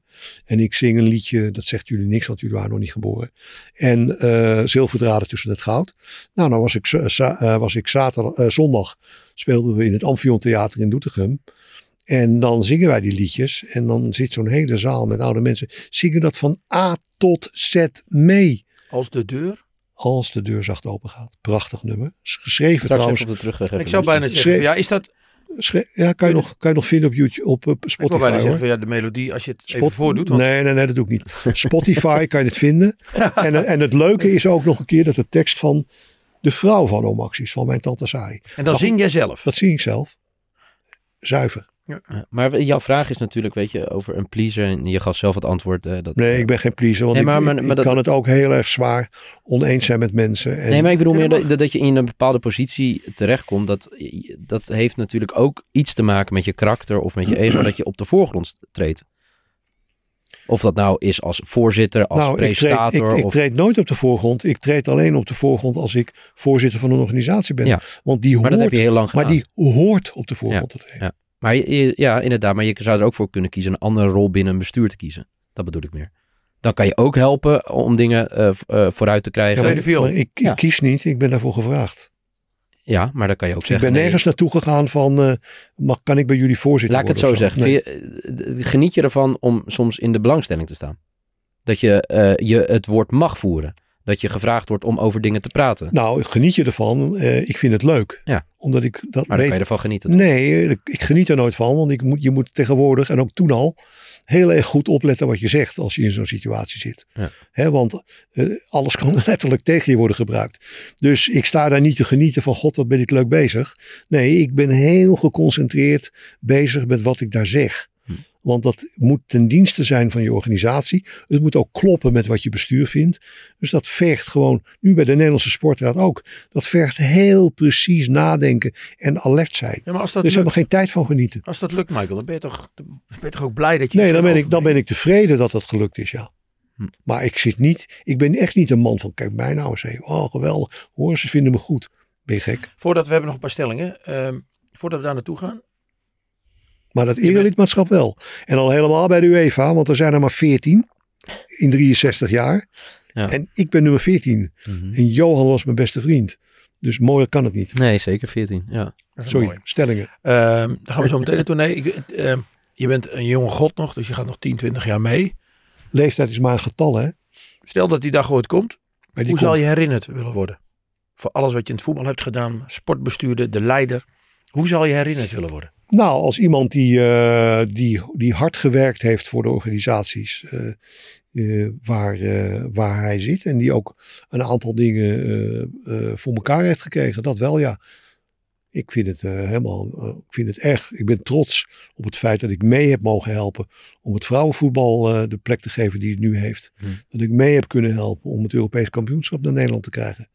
Dat ik mee heb kunnen helpen om, eh, om, om de Youth League bij de UEFA gestalte te geven. Dat zijn hele leuke projecten. En daar ben ik gewoon dankbaar voor. Dat, Ja, ik dat, Dat is vakinhoudelijk. En als mens? Zeg je? En als mens? Nou, iemand die, iemand die eh, respect heeft voor een ander. Kan luisteren naar een ander. eh, het er ook niet altijd mee eens is. Maar die wel zijn best doet om de ander de gelegenheid te geven in het bestuur waar je samen zit. Het beste van zichzelf te laten zien. En, en als je één ding zou moeten noemen wat je niet hoopt dat er gezegd wordt, of wat je nu al bij voorbaat weg wil nemen. Dat ik een plusplakker was. Een plusplakker. Dat, woord, dat woord irriteert mij mateloos. Dat merk ik al, ja. Daar heb je geen idee van. Het is zo makkelijk geroepen, hè? Dan wordt, word je, Ik dan heb wordt, het woord nog nooit in mijn mond gehad. maar ik vind het wel nou, een interessant bestaat woord. echt hoor. Ja, ja. Ja, nee, ik geloof Hij is best. verliefd op het plus. Ja. Dat zeggen ze niet alleen van mij, maar dat zeggen ze van de meeste bestuurders. Mhm. Verliefd op het plus. Hij kan, kan niet zonder het plus. Ja, die mensen zullen bestaan. Ja. Maar, dat zijn dan ook, maar, maar als dat dan mensen zijn die niks bereikt hebben, dan wil ik het nog wel geloven. Hoe, hoe maar mensen jij... die echt daadwerkelijk eh, ook dingen hebben gerealiseerd samen met anderen, hè, overigens. Bij de, bij, bij, bij de organisaties waar hij gezeten heeft.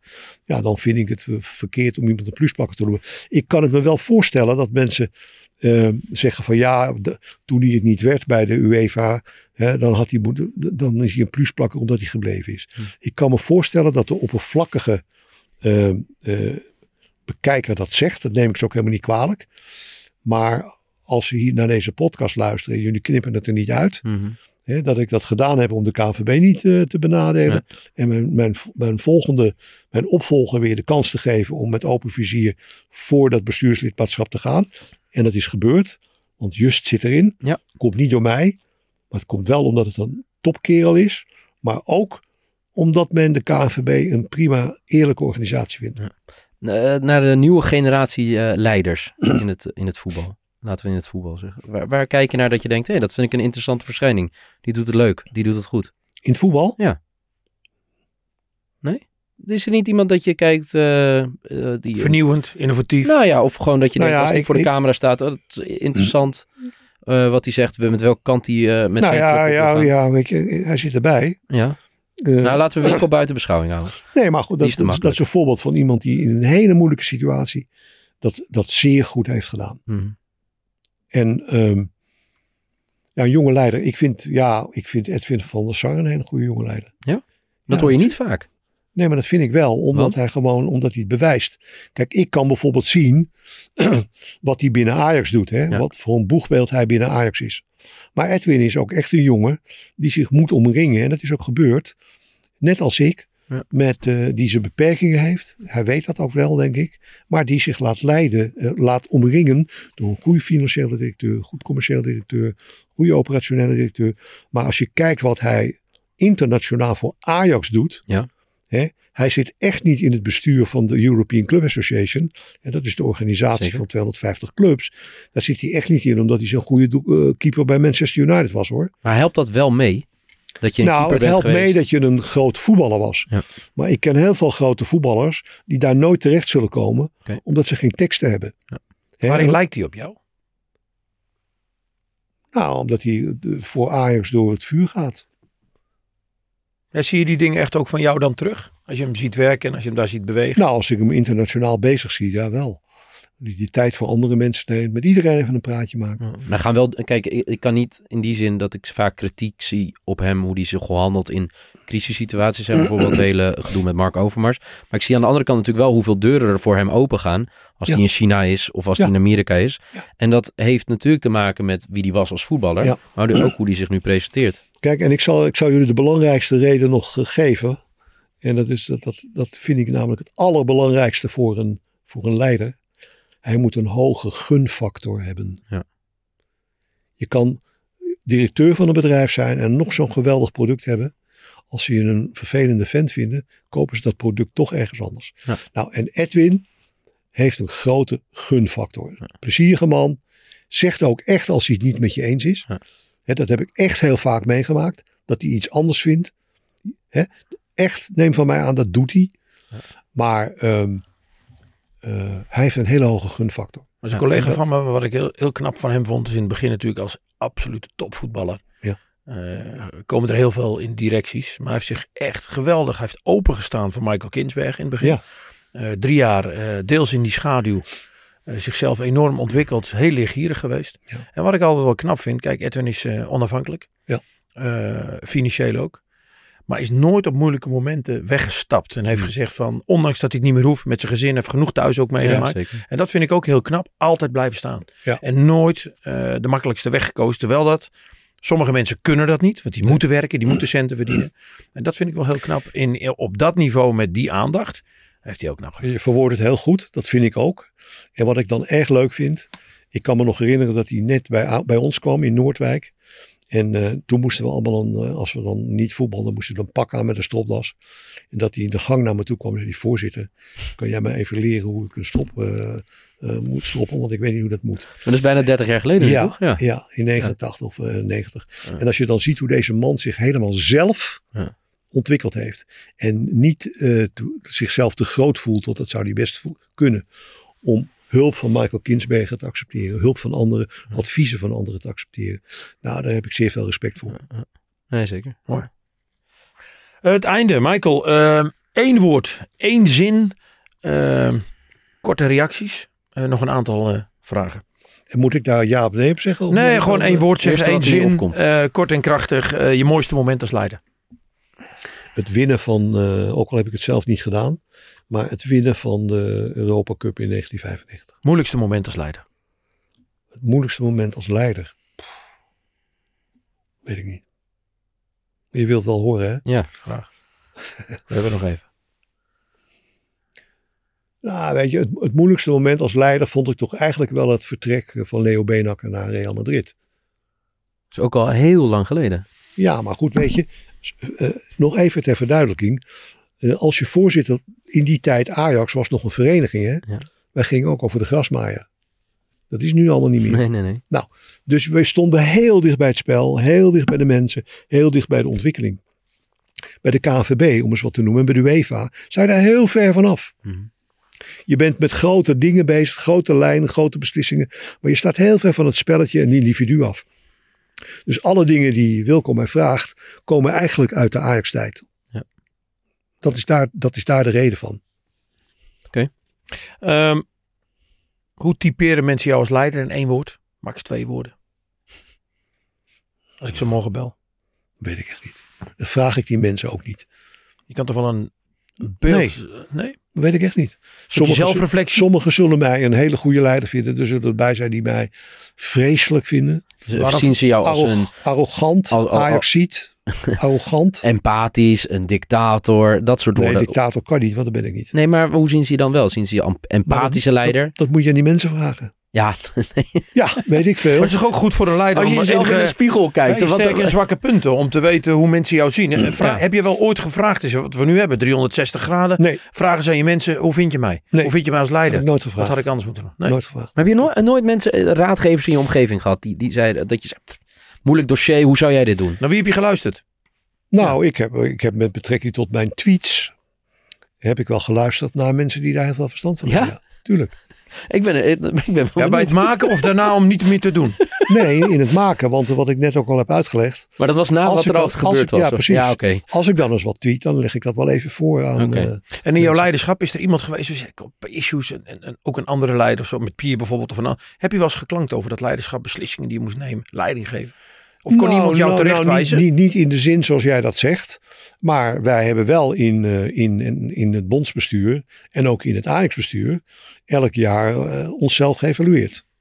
Hè, en dan zit je met z'n allen bij elkaar en dan zeg je wel tegen elkaar: God, wat vind je van, wat, wat vind je van mij of zo? Of, Ja. of, of dat vraag je nog niet eens, maar dan zegt iemand van: Nou ja, dat heb je toen zo en zo gedaan en je hebt dat toen zo en zo gezegd. Weet je, dat eh, is niet goed, dat kan je beter zo doen. Weet je, dat deden we wel. Mhm. Maar aan een buitenstaande vragen, wel, hoe vind je, wat vind je van mij als leider? Nee, maar ik kan nou, me dat heb ik echt voorstellen nog je... nooit gedaan hoor. Nee. Nou ja, dat vind ik zo aanmatigend. Want? Waarom zou je dat doen? Nou, eh, reflectie om te kijken. nee, nee, nee. Nee, dat moeten de mensen zelf eh, bepalen, Oké. vind ik. Wat- is een, een voorbeeld leider? kan mij ook eigenlijk niet zo schelen. Nee? Nee, ik heb, ik heb de dingen gedaan eh, de Dat heeft een bepaalde autoriteit Ja. in zich. Of, of, of Ja, maar arrogantie. ik heb- ik heb Terwijl je de- dat niet bent, zeg je net. Ik heb, ja, maar ik kan dat best zijn. En in die rol die ik speelde als voorzitter moet je dat ook zijn. Hè, En, en, en soms botst die rol met mijn karakter. Maar ja, daardoor ben je wel eh, constant. Welk Maar- boek moeten we lezen? Managementboek. Achter de coulissen van het voetbal. Ja, Van mij. Dat is je eigen boek natuurlijk. Hè? We zullen zo even de ja, ja, inderdaad. bestelling erbij geven. Nou, ik zou je zeggen, eh, nee, dat hoef je niet Nee, maar te heb je doen. jezelf laten inspireren door boeken, door sprekers, Nou, door ik, leiders? ik, ik, ik kan, de titels kan ik je niet zo eh, allemaal meer opnoemen. Maar Toon Gerbrands is eh, zo vriendelijk geweest om mij al zijn boekjes te sturen. Dan heb je een hele boekenkast alleen voor Toon. Zeker, want ik ben namelijk... eh, Tien, hè? ik mag Toon heel erg verschrikkelijk graag. Zeker. En ik vind hem ook een zeer goede leider. Waarom? Nou, omdat dat, dat, eh, hij zet voor zichzelf een pad uit. En dat is, dat is zijn visie, dat is zijn missie. En zo doet hij het. Mhm. Nou, en eh, ik ben meer iemand die, die, die, die- en daar heb ik respect voor. Dat botst ook wel eens vaker met mensen. En ik ben meer iemand, maar dat heeft ook met mijn sterrenbeeld te maken, die de tango danst. Weet je? Dus je laat je dus naar links leiden, je laat je naar rechts leiden, maar je komt wel bij je doel uit. Mhm. En, en dat is dus een andere stijl dan hij. Maar ik vind dat hij hele, hele wijze dingen zegt. En ik heb mij door de drukte in mijn leven, heb ik me nooit zo in de theorie achter het leiderschap eh, kunnen, kunnen verdiepen. Want ik, ik ben wat dat betreft een self-made man. Ik, Ja. kwam- ik kwam bij toeval kwam ik bij Ajax terecht. En ehm, dus dat soort mensen die, die houden zich ook niet zo bezig met de theorie achter het leiderschap. En hij wel. Mhm. Mooi Ja. dat je dat zegt. We hebben nog twee kandidaten waar je mee gewerkt hebt die je kent eruit. Erik Gudde als leider, zoals je Toon nu beschrijft. Nou ja, ik vond de komst van Erik Gudde bij de KVB een verademing. Want? Nou, kijk, om te beginnen is het een hele leuke kerel. Eh, eh, eh, heel veel mensen die hem van buiten alleen kennen, denken, denken dat niet of weten dat niet. Dat is hij. Wat ik heel erg goed van hem vind, is dat hij heel erg oog heeft voor de medewerker. Ja. En dus niet belde van, god Pietje, kan je even bij mij op kantoor komen, want ik heb je even nodig. Nee, hij ging naar Pietje toe. Mhm. Dat vond ik heel erg goed aan hem. En dat hij verder, eh, eh, net, net als ik, zich ondergeschikt heeft gemaakt aan de organisatie waarvoor hij stond en het belang diende. Nou, we hebben al die toestanden meegemaakt hè, met, eh, toen, toen COVID kwam en het stilleggen van de competitie. Nou, weet je, dat je had ook kunnen denken, jongens, na alle kritiek zoek het lekker uit. Dat heeft hij niet gedaan. Is dat leiderschap van hem geweest op dat moment door gewoon die beslissing te nemen? Dat moet hij ook. Hij is directeur, hij is directeur betaald voetbal. En dat moet hij doen. En, en, en, en of dat nou leuk is of niet, ja, dat moet hij doen. Kijk, ik kon nog zeggen, wij doen dat met het hele bestuur. Mhm. Want we waren met z'n vijven. Vroeger had je een bestuur aan het eh, betaald voetbal. Dat bestond ook uit vijf mensen. Dan deed je dat met elkaar. Nu is die functie eh, is, is één persoon. Ja. Directeur betaald voetbal, bestuurder betaald voetbal. Hij moest die beslissingen, hij heeft het gedaan. Ik heb er heel veel respect voor. Wat ik interessant vind dat je Niet zegt, makkelijk. een, een verademing. Wat zegt Ja. dat over de periode daarvoor? Nou, omdat hij was een. ehm, eh, Bert vond, was ook een verschrikkelijke goede directeur. Bert van Oostveen, Ja. even Ja, voor- directeur. Vooral inhoudelijk. Maar, Zeer goed. Ja. Maar Bert was wat geslotener. Ja. En, en had een. En, en, en, en, en ehm, eh, Erik was ook een man aan de bar, borreltje drinken, hmm, geintje meteen, weet je. Bert was ook heel geinig, maar Bert moet je eerst leren kennen. En ehm, denk je als, als, eh, als een KVB dat je daar meer gebaat bent bij een leider als Erik? die, die, dat- die vergelijking maak ik helemaal niet. Want, Nee, maar het is een vraag. Nee, want Bert heeft zeer veel voor het voetbal gedaan. Heeft alleen Nee, maar anno nu, zeg maar, in de wereld waarin we nu leven. Zeg maar, dat, het kan best dat dat destijds gewerkt heeft. Maar omdat toen Erik daar binnenkwam, ik ook van mensen die bij de KNVB werken, dat hij zei, hij loopt hier over de vloer, hij komt dus aan, een- aan, een- bureau staan. Hij komt Ja, maar dat, is, maar dat is een, dat is een managementstijl. Ja. stijl. Ik bedoel, eh, Bert kreeg dingen ook voor elkaar eh, op een hele goede manier. En Bert Ja. was inhoudelijk ongelooflijk goed. Hield alles bij. Eh, eh, dus, dus, maar dat is een andere, an, andere Maar Bert stijl. had een andere Ja. empathie. Weet Ja, je, en inhoudelijk was Bert echt wat, wat omdat Michael zegt van de dossiers en, en kennis. Als er wat met Fantastisch. licentie hij is, nu, hij is alles. nu directeur. Alleen, eh, de warmte die Erik meeneemt, Ja. gewoon vanuit zijn persoonlijkheid, dat, dat Was heb ik ook wel gemerkt. Nou, maar was de- anders. omdat we helemaal aan het begin, en daar was jij verbaasd over, dat Michael zei, het soms meer over de vorm gaat dan Ja, de inhoud. Als je dan kijkt de vorm, hoe eh, Erik Gudde dit heeft gedaan. Ik denk dat er inhoudelijk best wel wat vraagtekens kunnen zijn. Maar dat hij met best wel veel dingen wegkomt. Juist door Ja. hoe hij Dus- de media, eh, eh, eh, en ik wil zeggen bespeeld, te woord staat. Maar ook intern, dat er een draagvlak ontstaat. maar dat, is ook niet zo gek, want dat zijn verschillende mensen. Nee, daarom. Dat- Dus dat vind ik juist wel heel goed. En ja, weet je, hij bleef wel gewoon lekker hangen aan de bar. Nou, dat, Bert vond dat niet leuk. Nou, dat kan. Hij heeft nu ook zijn eigen wijn eh in Zeker, eh, zeker. Hij importeert. Hij heeft Ja, ik heb, ja, samen met Wouter ik heb nog geprobeerd of ik zijn website mocht maken, maar eh, die had hij al. Je ma- maakt ook websites. Zeker. Ik moet het even opschrijven. Wacht even hoor. Muzikant, cabaretier, Ja. ja, drummer en muzikant, Liedjeschrijver? liedjeschrijver en websitemaker. Ik ontwerp websites en ik maak ze en ik onderhoud ze. En dat doe ik voor mensen die eh, starters en voor mensen die nog geen geld hebben voor een website. Oh, En dat doe ik, eh, mijn gage is een chocomel en een gevulde koek. een soort Nou, Dragons, Dragons Den dit, hè? Dit is Ja. echt fantastisch. Ja. Maar ik, Nou, ik maak nog één bruggetje, want we hebben natuurlijk... Ja, een eh, website maken die eh, heeft onze poot uitgereid. Die zit hier achter de schermen. Nou, dat We is zijn nog niet, steeds aan het is afbetalen. niet nodig hoor. Nee. Nee, nou Erik, nog even. Hè. We, Ja. we hebben nog nu een, een directrice. Ja. Een vrouw in het voetbal eh, op die positie Ja. nu. Eh, ook haar spreken we. Marjan van Leeuwen en haar leiderschap, wat zie je? Nou ja, kijk, Marjan is, een, is, is totaal anders dan Erik en, eh, en Bert bij elkaar. Ik ken Marjan, hè, dus ik ben bevooroordeeld. Ik weet, eh, ze is mij opgevallen toen ze voorzitter van Zeeburgia was. Dat is een Amsterdamse club, moeilijke club, zeer multicultureel. Eh, net als overal, heel veel emotie, mannen die zich overal mee bemoeien. En eh, zij heeft die club echt gemaakt tot een een van de belangrijkste amateurclubs, voorbeeldclub als het gaat om integratie en inclusie eh, van Nederland. En ehm, ja, zij kan heel veel. Ik bedoel, zij heeft. wat een- kan zij? Nou, ze, om te beginnen kan ze heel goed luisteren. Ten tweede is ze niet meteen. Nee, ze is heel rustig. Ze luistert goed. Ze denkt na over, over wat ze doet, de beslissingen. Het is een hele prettige persoonlijkheid. Mhm. Warme persoonlijkheid. En eh, ik vind het een fantastische keus die de KVB heeft Het is natuurlijk gedurfd. Als hebben Mieke. Havinga hebben we natuurlijk eerst Ja. in de FC gehad. Het is eh, weer een vrouw in het voetbal. Eh, dat gaan we meer meemaken. Is dat Ik- goed voor het voetbal? Ik denk dat het heel goed is voor het voetbal. Nou, omdat ehm, wij eh, mannen op de apenrots in het voetbal. Hmm. Wij zijn over het algemeen, eh, het geldt niet voor iedereen, maar over het algemeen voor de meerderheid wel. Zeer eh, vatbaar voor emotie en wat de buitenwereld zegt. En, en daar zijn wij zeer gevoelig voor. En Mhm. Eh, ik vind, eh, maar dat heb ik ook in bedrijven wel meegemaakt, dat, dat vrouwen, ja, dat lijkt wel wat, wat gebalanceerder. Het lijkt wel of die daar minder gevoelig voor zijn.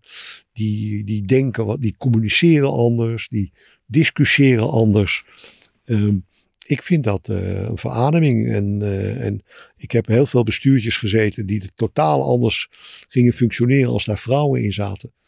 Ging eh, de, de persoon Michael van Praag ook anders functioneren als er een vrouw aan tafel zat? Zeker. Waarom? Wat deed dat met je? Nou, eh, ik, ik mag als, als ik mijn Rotary Club even mag noemen. Dat mag. Ja. Dat, eh, we hebben een tijd gehad dat er mocht, mocht van Rotary, mochten vrouwen niet lid worden. Hè, Zolang ben ik al lid van die Rotary. Nou ja, dan zit je met mannen onder elkaar en eh, stoere praatjes en dit en dat. Hè, ook de manier waarop mannen dan over vrouwen praten is Mhm. anders. Nou, en op een gegeven moment eh, mochten, mochten er vrouwen in de Rotary komen. Nou, dan, dan hadden wij een club die zei, ja, het mag wel, maar dat betekent niet dat het hoeft. Dat, is- dat soort leden hebben we ook nog een tijdje gehad. Nu zijn ze er. En nu komen er hele andere ideeën. Nu zijn er hele andere onderwerpen. En nu wordt er op een hele andere manier gediscussieerd. Fatsoenlijker ook. En Reageer jij ook anders? Ja, natuurlijk. Ik bedoel, Ja, de, eh, de toon kijk, van het gesprek wordt anders, toch? Ja, het gesprek wordt anders. De toon van het gesprek wordt anders. En ik, ik, ik hou er erg van als mensen elkaar in, eh, in, eh, in, in, in hun discussies respecteren. En rustig blijven, weet je wel. Nou, daarom vind ik het ook zo fout hoe ik toen gereageerd heb. Waar we het straks over hebben gehad.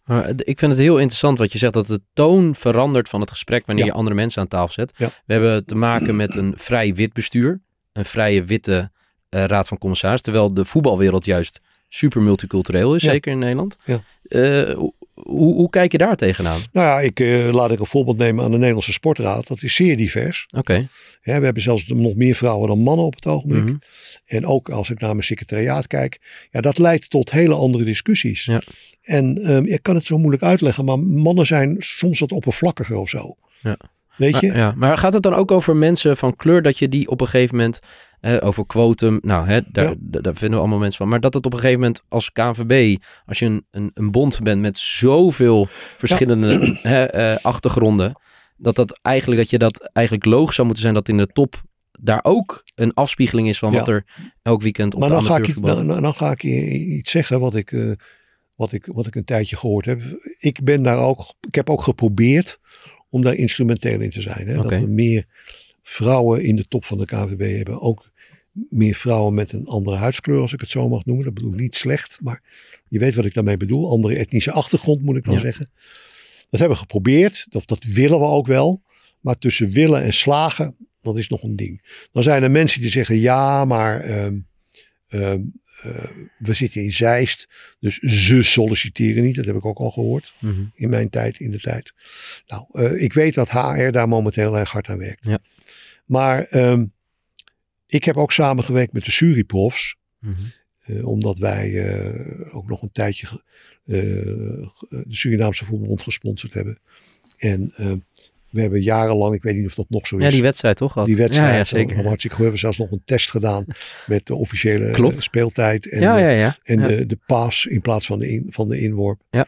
En de toenmalige voorzitter, die wilde eigenlijk met de Suriprofs een andere kant op. En die zei van ja, we moeten misschien ook meer opleiden. Misschien moeten we er zelf ook wat aan doen. Mhm. Om mensen, in dit geval uit Suriname, eh, eh, zover te krijgen dat ze ook voor zo'n bestuursbaan gaan. Want, sprak hij toen de woorden, velen van ons denken dat het niet voor ons is weggelegd. Ja. ja, zeker. En, en, en, en ik vond dat een hele eh, interessante, maar tegelijk trieste opmerking. Ja. Want waarom zou dat niet zijn? Weet je? En ehm, we hebben nog genoeg, ik noem dan nu Surinamers, we hebben genoeg voorbeelden van zeer intelligente, zeer eh, erudite, eh, zeer verstandige Surinaamse mensen. Waarom zouden je dat, dat niet doen?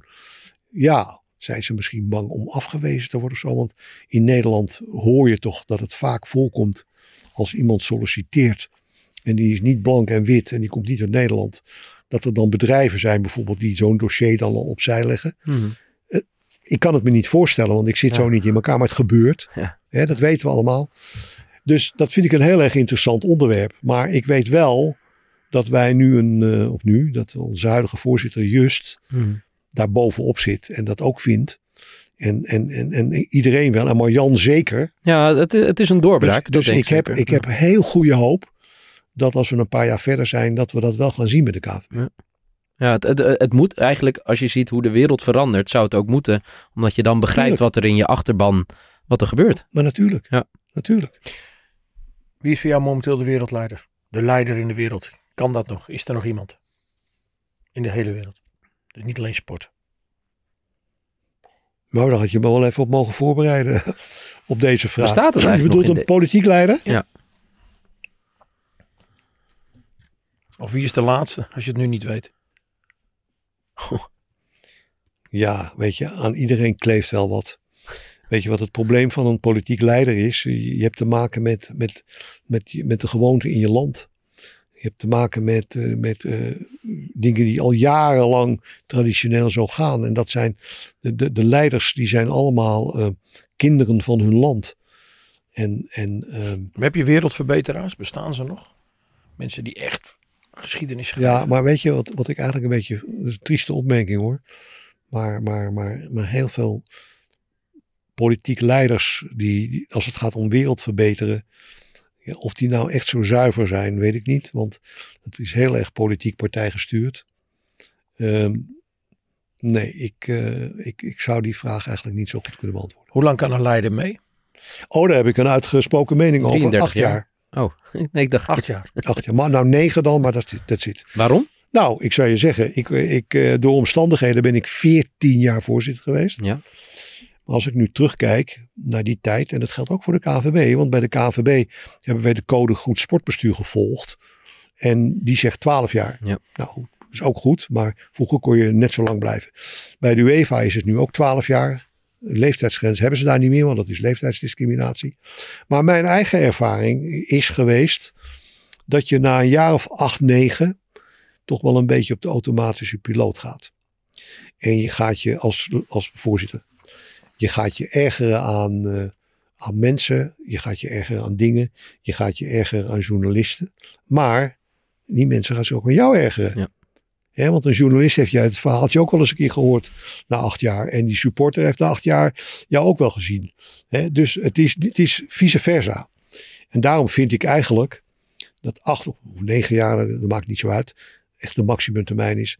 En dan, zoals dat in Nederland zo mooi heet, dan is je houdbaarheidstermijn eh, wel, eh, wel verstreken. Als je geen leider in de sport had geweest, wat had je dan graag geweest? Nou, dan was ik een hele goede drummer geweest. Want dan had ik me veel meer kunnen toeleggen op de techniek. En dan, eh, dan had ik, eh, was ik. Kijk, ik speel een hele, ik speel vier instrumenten. Maar ik ben, be- be- eh, ik ben geen, in geen van al die, die instrumenten echt heel erg goed. Wat voor type voetballer ben je dan met die instrumenten? Je bent dus niet de fijn besnaren technicus. Welke Nee, voetballer ben je? Maar ik ben, een, ik ben een betrouwbare muzikant. Als ze mij inhuren met mijn sousaphone in het dweilorkest.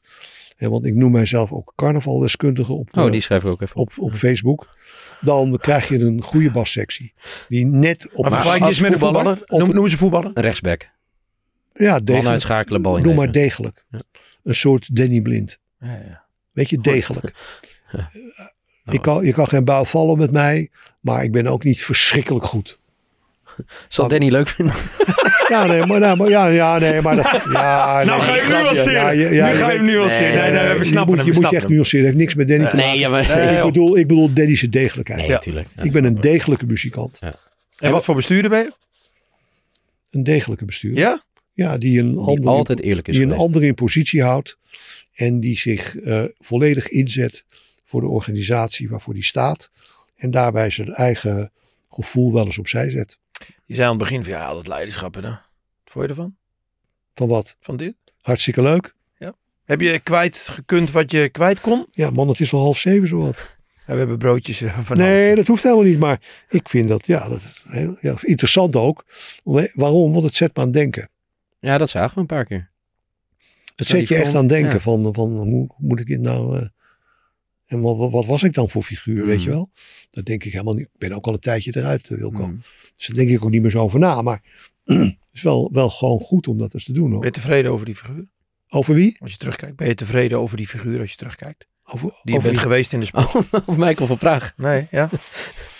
Is Michael van Praag tevreden over de sportbestuurder Kijk, Michael van ieder Praag? mens, is, jij, jij, Ja, de- de- de- in de regiekamer, Ja. je moet wel een beetje van jezelf houden. Wil je een leuk leven hebben? maar voor mij hou je wel van jezelf, toch? Ik, ik, ik hou zeker van mezelf, maar ik ken wel mijn eigen beperkingen. Ja. En, eh, en, en als je die niet kent, dan word je zelfs vervelend. Maar je kleedt het af en toe een beetje in. Please, nou ja, je bent eigenlijk wel maar... Nu ook, ja, die gaat eerst een aanloop nemen en dan zeg je, ik hou van mezelf. Maar dat is toch geen schande?